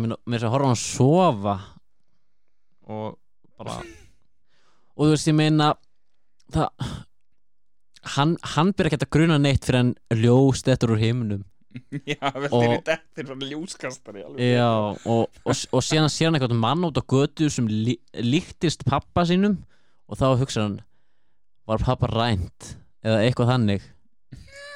Bara, þú veist þetta, þetta er svo skrítið svo, svo þegar að hérna útvarpið í bílnum hann stillist inn á talstöðakerfið þannig að hann heyrir þegar það er verið að lýsa því nákvæmlega hvar hann er að keira og eitthvað. Það er ógislega gott aðrið Sko, Ed Harris hann er frábær í, í hlutverki sem Kristoff Eh, og hann var með þess að tilnefndu til Óskarsvæluna fyrir þetta hlutverk. Mm. en Jim Carrey var ekki tilnefndu til Óskar samt fyrir þetta, Já. Ok þú veist ég meina ef þetta er svona mynd sem getur verið tilnefnd til Oscars þá, þá ákveður ekki að, að gefa al leikaránum uh, tilnefningu. Ég meina ég veit ekki, sko, hvað hva annað kom út þetta ár, hvað sko þetta er samar Saving Private Ryan og, það er rosa erfitt að keppa við það, sko. Já, og Shakespeare in Love og eitthvað þannig.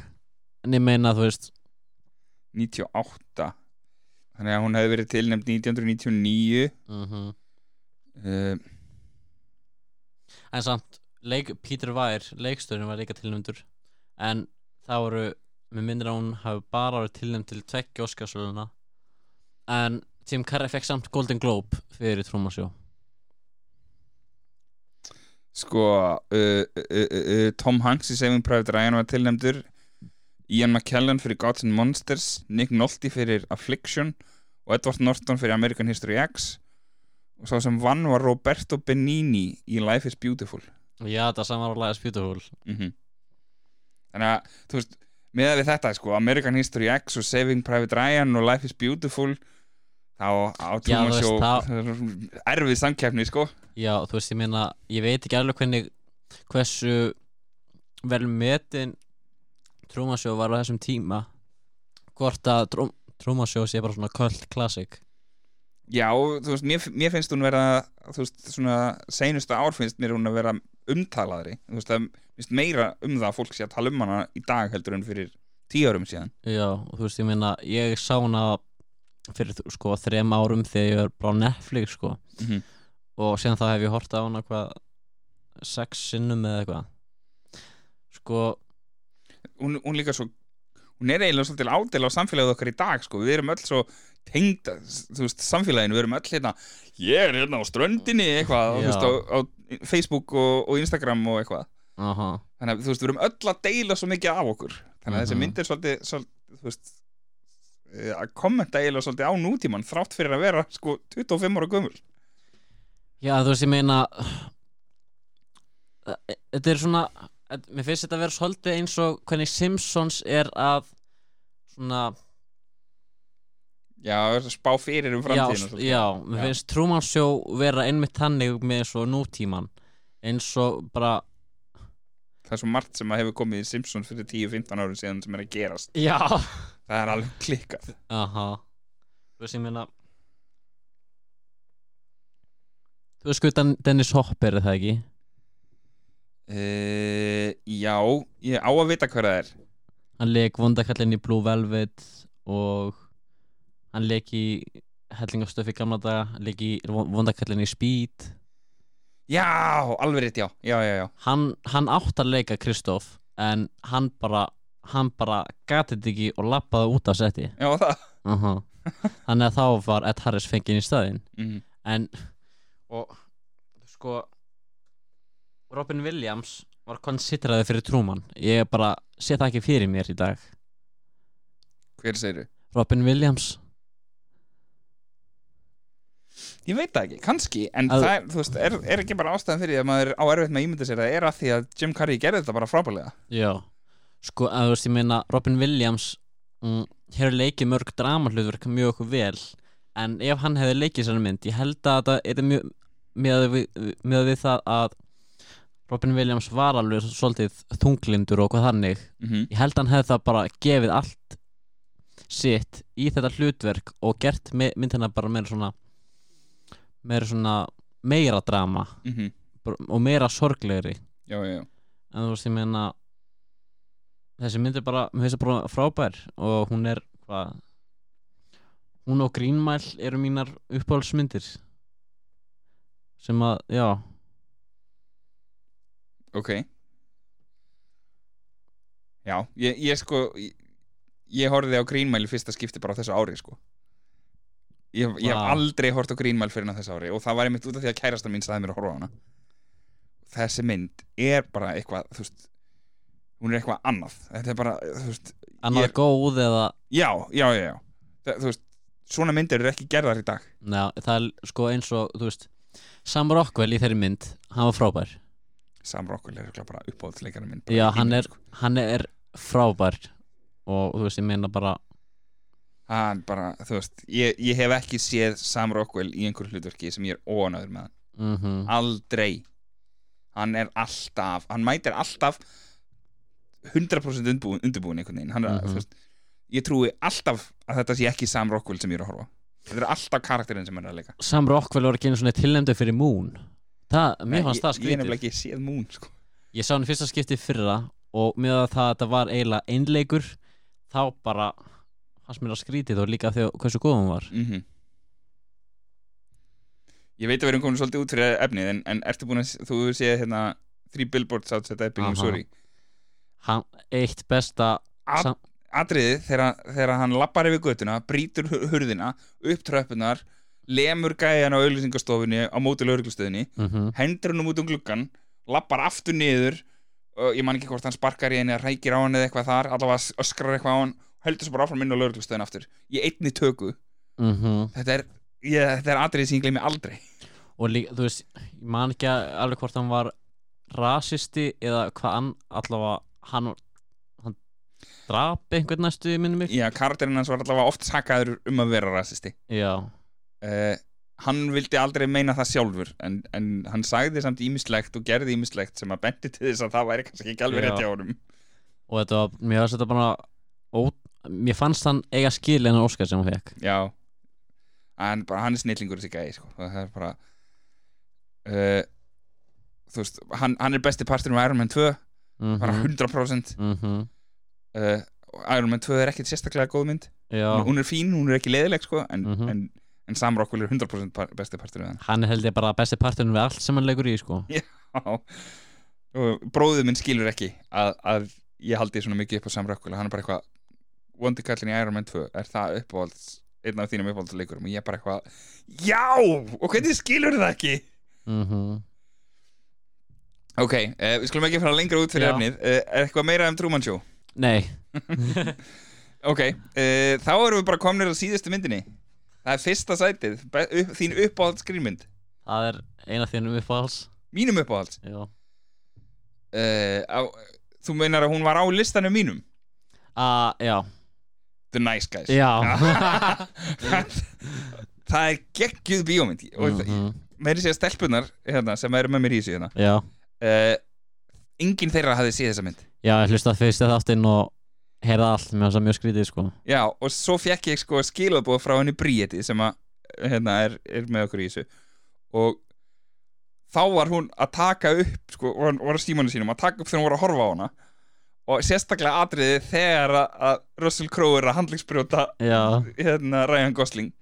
Það þurfa fleiri að sjá þessa mynd. Án, sko, mér, mér finnst bara mér, sko, mér finnst hún aldrei hafa verið svona ofalega á radarnum. Mér finnst hún eða bara svona falla undir radarinn aftur og aftur. Mm þetta er vannmennasta bíómynd sem ég sé bara lengi bara. Aha, og þú veist hún er bara mín uppáhalds gafamynd sko, mér finnst svo margar gafamyndir sem komu út 1990 upp í 2010 bara vera, það er svo margar myndir hana sem að bara, eins og Ankorman og allt þetta. Mér finnst þetta ekki go- gott í dag Nei, ég, ég hef aldrei verið einhver menn maður sko. sko, mér finnst þú veist, ég var mikill Will Ferrell og Jack Black, Adam Sandler allt þetta maður en þegar ég reyna að endur horfa á þessar myndir, mér finnst bara mest af þessu bara ekki jafn gott í dag mm. Ég sammála ég, ég, Svona, þú veist Svona grínmyndir sem að fólk er bara "Hvað, Þetta er bara besta grínmynd allar tíma. Og ég horfa á hann og bara hvað? Þetta er bara alveg eins og allar grínmyndir sem hafa komið út senstu 30 árin. Já, það, þú veist. Þannig að ég er alveg bara þar ég, þú veist, er alls ekkert grínmyndakall. Jú, jú, það er ein og ein sem ég bara eitthvað, ok, þetta var frábært. Ég til dæmis elskaði Hangover þegar hún kom út. Það mér er svona ekki góð. Í alvörin ekki. Sko, mamma hefur oft verið að tala um það að sko, þau sá þessa mynd af því að allir voru að tala um hana og síðan þegar þau horfðu á hana þá bara, really, var þetta allt? En þú veist, ég, ég skil það vel af því að ég er, hef aldrei verið mikill hangover maður, Mhm. ég sé þar allar en ég ætlaði mér ekki að horfa þar aftur. Já. Uh, Já, ég, þú veist Nice Guys er bara einhvern veginn veist, ég get ekki útskýrt þetta betur heldur en bara að, að það þarf bara að koma sjónvastáttur Það sem að þeir leysa bara eitt morð í hverju viku. Mm Það er bara þannig. Það það bara Þessi mynd virkar ekki nema út af kemustríunni þeirra. Já, hvernig þeir tveir virka saman. Og svo er dóttir hans Ryan Gosling hann alltaf að tróða sér með einhvern veginn. Aha.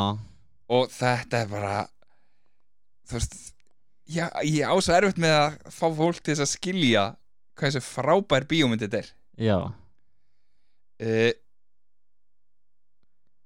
hann kom til mín þegar, þegar þessi þáttur sem við erum að taka um núna kemur út. Já, þá er búin að koma út þáttur sem er ekki komin út en þá uh, sem er viðtal við hann Tóma Valgeirsson.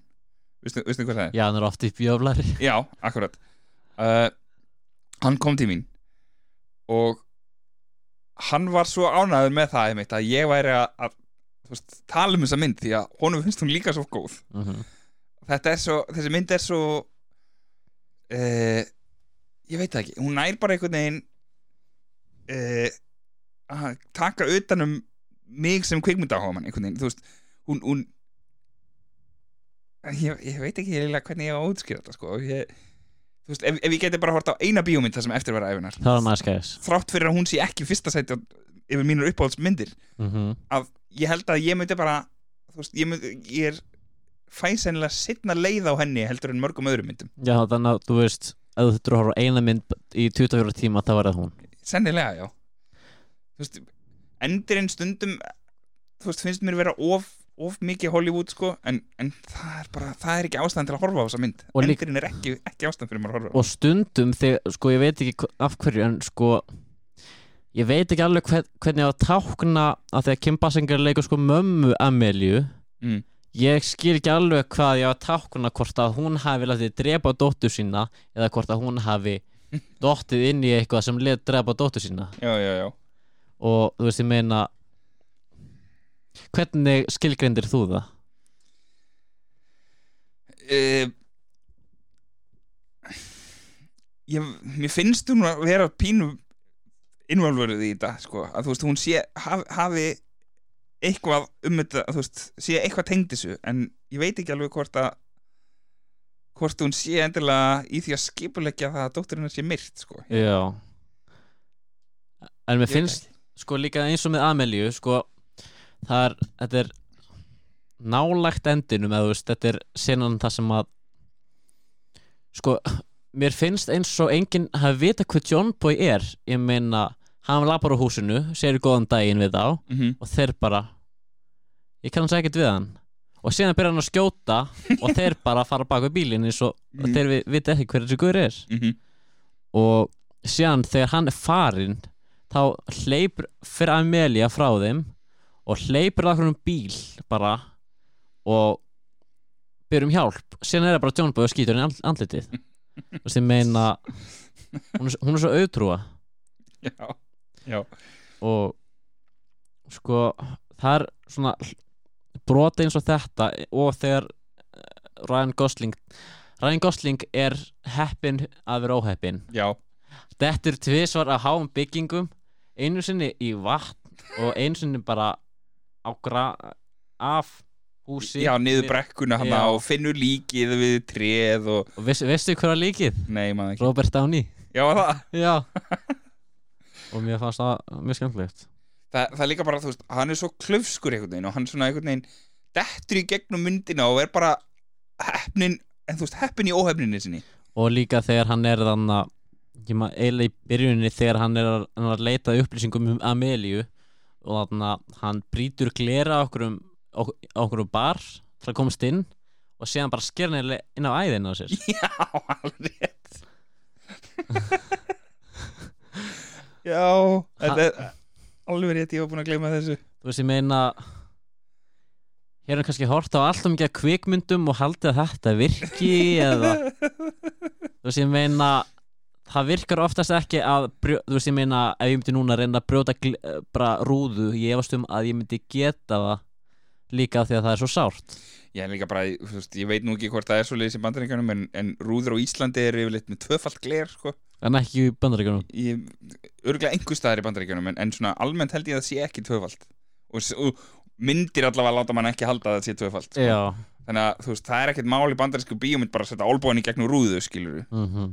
En, en það er aðeins erfiðar í raunveruleikanum sko, allavega hérna á Íslandi kosti. Mhm. Eh, en þú veist, svo eru atriði eins og þegar að þeir eru heima hjá Ryan Gosling já. og hann er hann úti að skjóta á þá inn, inn í húsið. Skjóta á það inn í húsið. Ég man ekki, man ekki hver það er sem er að skjóta á þá. Þeir eru inn í húsinu já John Boy. Já, já. Og, og Russell Crowe situr á gólfinu undir glugga og byður Ryan Gosling um að kasta pissinu til sín og hann hendir henni bara út um gluggan aha já og þetta er svo drefundið og þeir bara eitthvað þú veist, ég veit ekki, þetta, ég elska þessa mynd bara og ég get, ég skemmti mig svo vel að horfa á hana. Þú veist ég meina ég, hún er bara ég held ég geti hort hann aftur og aftur án þess að vera uh, bara bored yfir inni sko. Já, Og- ég bara, þú veist, ég fýla sem eitthvað bótt sko. og það er líka þarna í þessu ég man ekki dó, dóttir, dóttir Ryan Goslings átti afmæli eða eitthvað. Og þarna Russell Crowe og Ryan Gosling er að tala um uh, klámstjörnuna sem að dó. Mm -hmm. og það eða man ekki hvort það var hún eh, sem dó eða Amelia. Og síðan Russell Crowe eitthvað að tala um the young porn actress the young porn actress that died. The porno young lady. Þú veist það er bara bara ræn, þetta er held ég ándjóks það besta besta performance Ryan Goslings. Mhm. þú veist ég hef sér Drive Crazy Stupid Love og Barbie en þú veist ég meina þetta er, er það besta sem að, hann hefur leikið í. Já, þú veist ég veit ekki, mér, mér fannst uh, mér fannst hann ekki vera það sem stóð upp, í Barbie, upp úr í Barbie. Þú veist, jú, hann var frábær en, en mér fannst hann ekkit vera bestur þarna eitthvað. Mhm. Uh, það er langt síðan í sá Drive en æ, hann, hann er svo hann er svo einsleitur í Drive. Hann, hann er bara alltaf hér. Já. Og hann er aldrei, þú verður aldrei reyður hann verður aldrei glaður, hann verður aldrei þú veist, hann er a- alltaf bara í þessum monotón. Mhm. Og þú veist, Drive er frábær bíómynd en hún bara einhvern veginn þú veist, m- a- a- performanceið hans í henni er ekki það sem hann gerir hann frábæra. Já. Uh,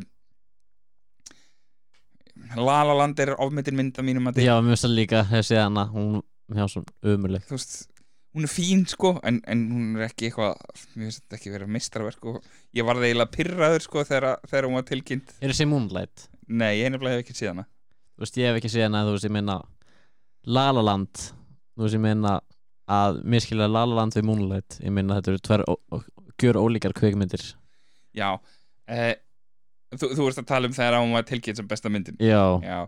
Eh, það sem ég held, sem ég skilst að hafi gerst þarna er að þau fá umslegið fyrir besta leikona í aðalhuturki óvart, þau bara fá og, og hann fattar það af því að þau standa þarna hérna, Warren Beatty og ég man ekki hvað hann heitir sem var með honum.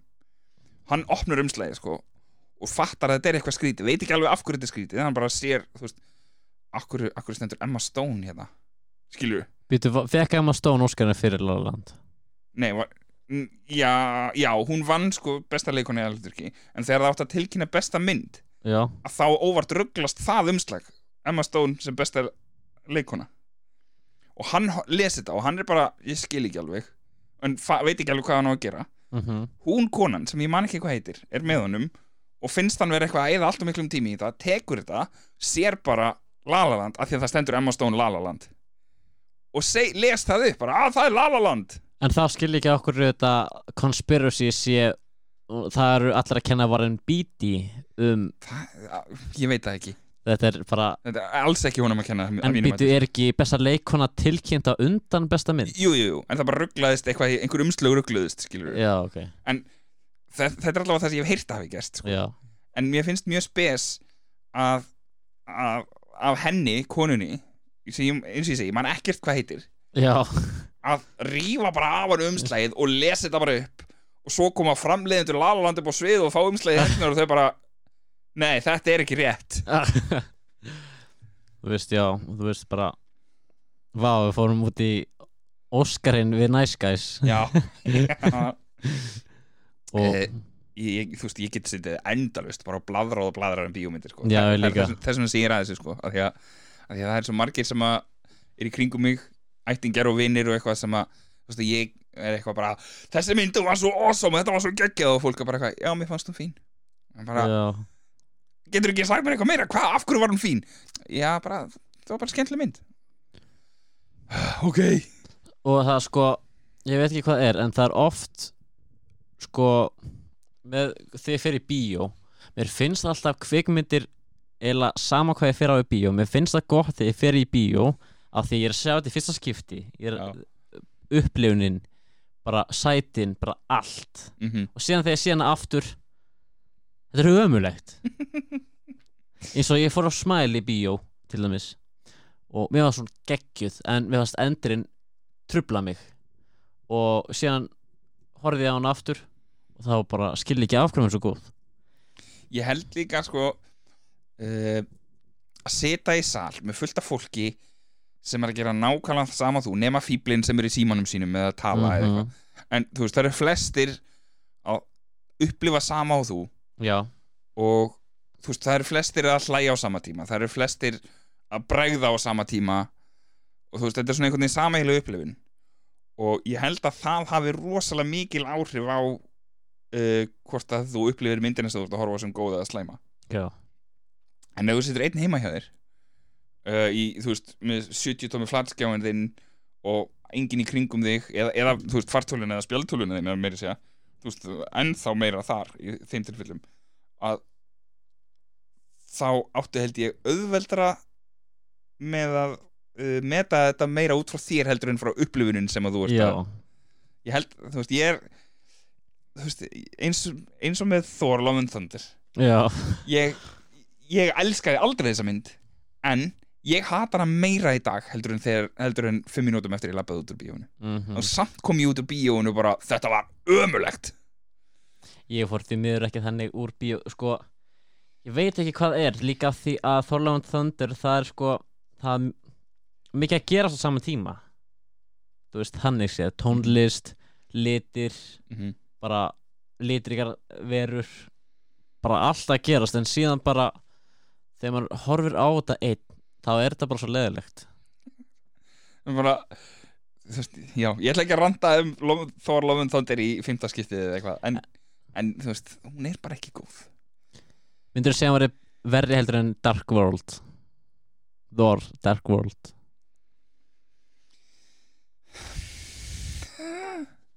Akkur þarf þetta að setja mig svona on the spot? Sko. Við getum að tala um eitthvað annað þú vilt Nei, ég, ég vil svara þessari spurningu, þetta er góð spurning. Finnst mér hún léleri heldur en the Dark World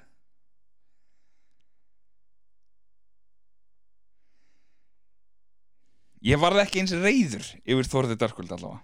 Já, Af því að, það er meiri væntingar fyrir Love and Thunder sko, ég, mér fannst uh, hérna, Thor Ragnarök frábær bíómynd. Mm -hmm, það var það bara svona ferskur andblari and, andblær segi ég mm -hmm. inn í þessa mynd þú veist, af því að Dark World var svo þung og dramatísk og leiðilega einhvern veginn að þá kemur Ragnarök og það er bara einhvern veginn allt annað og þetta er bara litrikt og fyndið og skemmtilegt og eitthvað. Og Love and Thunder er bara eitthvað ok, þetta virkaði, nú skulum við bara gera þetta tífalt. Og það koma 15 sinnum einhverjar fucking öskrandi geitur. Já, það var að versta við þessi mynd Jæja, ok ég, saðist ekki alltaf að gera þetta en ég er samt búin að gera þetta og þú veist ég var þú veist, þetta er ekki varandi það sem ég er með en þarna ég fór mikið á hryllingsmyndir í bíó mm. ég fór, sá Halloween Ends hefur þú séð hana Nei.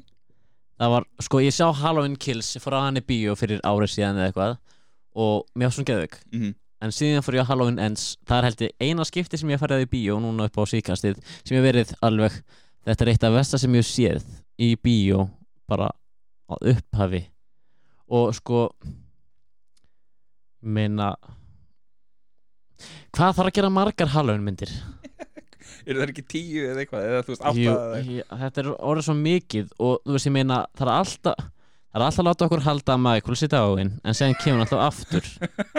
Og ég meina má, ég spóila hvernig hann áður að hafa bara eins og þú vilt sko. Þetta er Sko- ekki kvikmyndaserið sem ég er eitthvað að fara að horfa á endilega. Sko þau ná Michael og festa hann eitthvað við þarna, við- ískápa og bara svona setja alveg upp að honum og hvað og skera hann eitthvað búta eða eitthvað og setja hann í svona hakkavél. Já, ok, og ég meina svolítið svipað eins og í, í hérna Kingsman 2 já. Þar sem að einhver var settur í haka vilja búið til hambúrgarar úr honum En ég og meina, þú veist Þótt, ég meina Mun hann ekki hvað sem er samt bara koma aftur bara, þú veist Þótt hann hafa settur í hakkavél, ég meina ég veit ekki, Ég meina, þú veist, það er alltaf fundið einhverja leir til að drepa hann En sen kemur alltaf aftur. Eins og Fast and Furious það er bara family. Já. Það er, já, já. Ég veit ekki, ég á svo þú veist, ég, ég á svo erfitt með að skilja þú veist, jú, jú, auðvitað er auðvitað að skilja þetta það er bara meiri peningar en, en þú veist, endalausir endalaus framhöldu, endalausir Mhm. endurgerðir alltaf. Jú, ok, ég er risastór Star Wars og Marvel gæi, sko, ég fíla það í bot og það er náttúrulega bara endalaus framhöld Ég er búinn að missa eiginlega áhugan á Marvel En þú veist, ég komst að, smá aftur í gýrin eftir Guardians of the Galaxy 3 já, uh, horfður á, nú er Secret Invasion nýlega búið, horfður á það Nei, þú veist, ég, ég er ekkert mikið í þessu þátta Marvel. Ég hef ekki Mm. séð Loka, Moon Knight. Ok, S- en ég, ég horfði á She-Hulk e- eitt af versta shit sem ég horfði á. Hefur þú séð það? Já. Uh, Ég skil vel að þér finnist það rusl. Ég Það- skil það mjög vel En þú veist, það er það sama og ég hugsaði fyrst. Fyrst var ég bara eitthvað af hverju eru þeir að þessu Þetta er, þú veist, ég er markkópurinn Akkur er ekki að vera að til mig Þú veist, þarna var ég sko.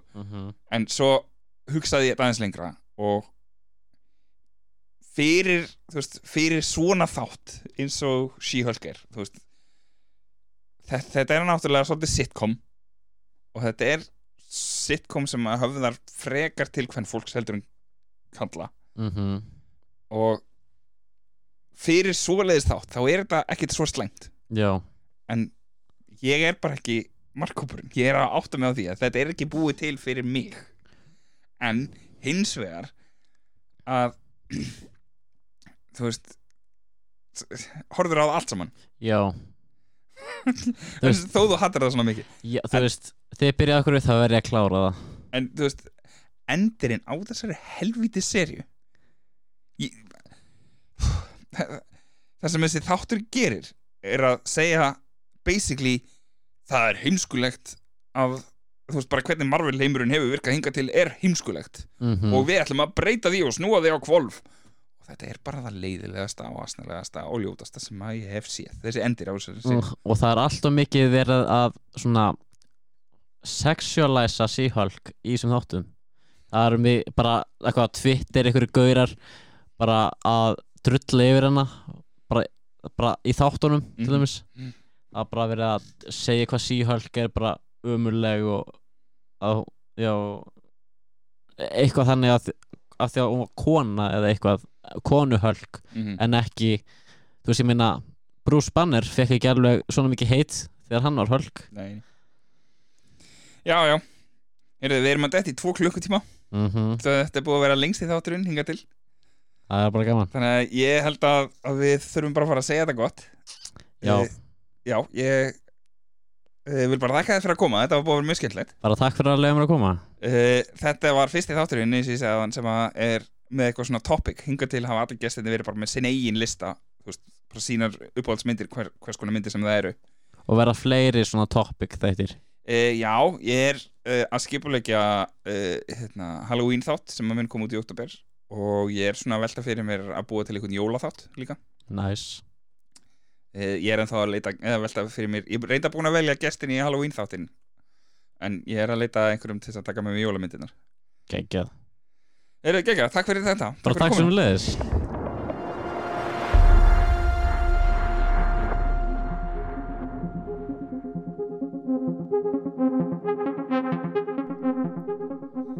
Endilega fylgið okkur á samfélagsmiðlum á Facebook og Instagram. Einnig er umræðugrúpp á Facebook. Svo verið sjúkla næs ef að þið myndu gefa okkur stjörnur á þeim miðlið sem að þið eruð að hlusta á.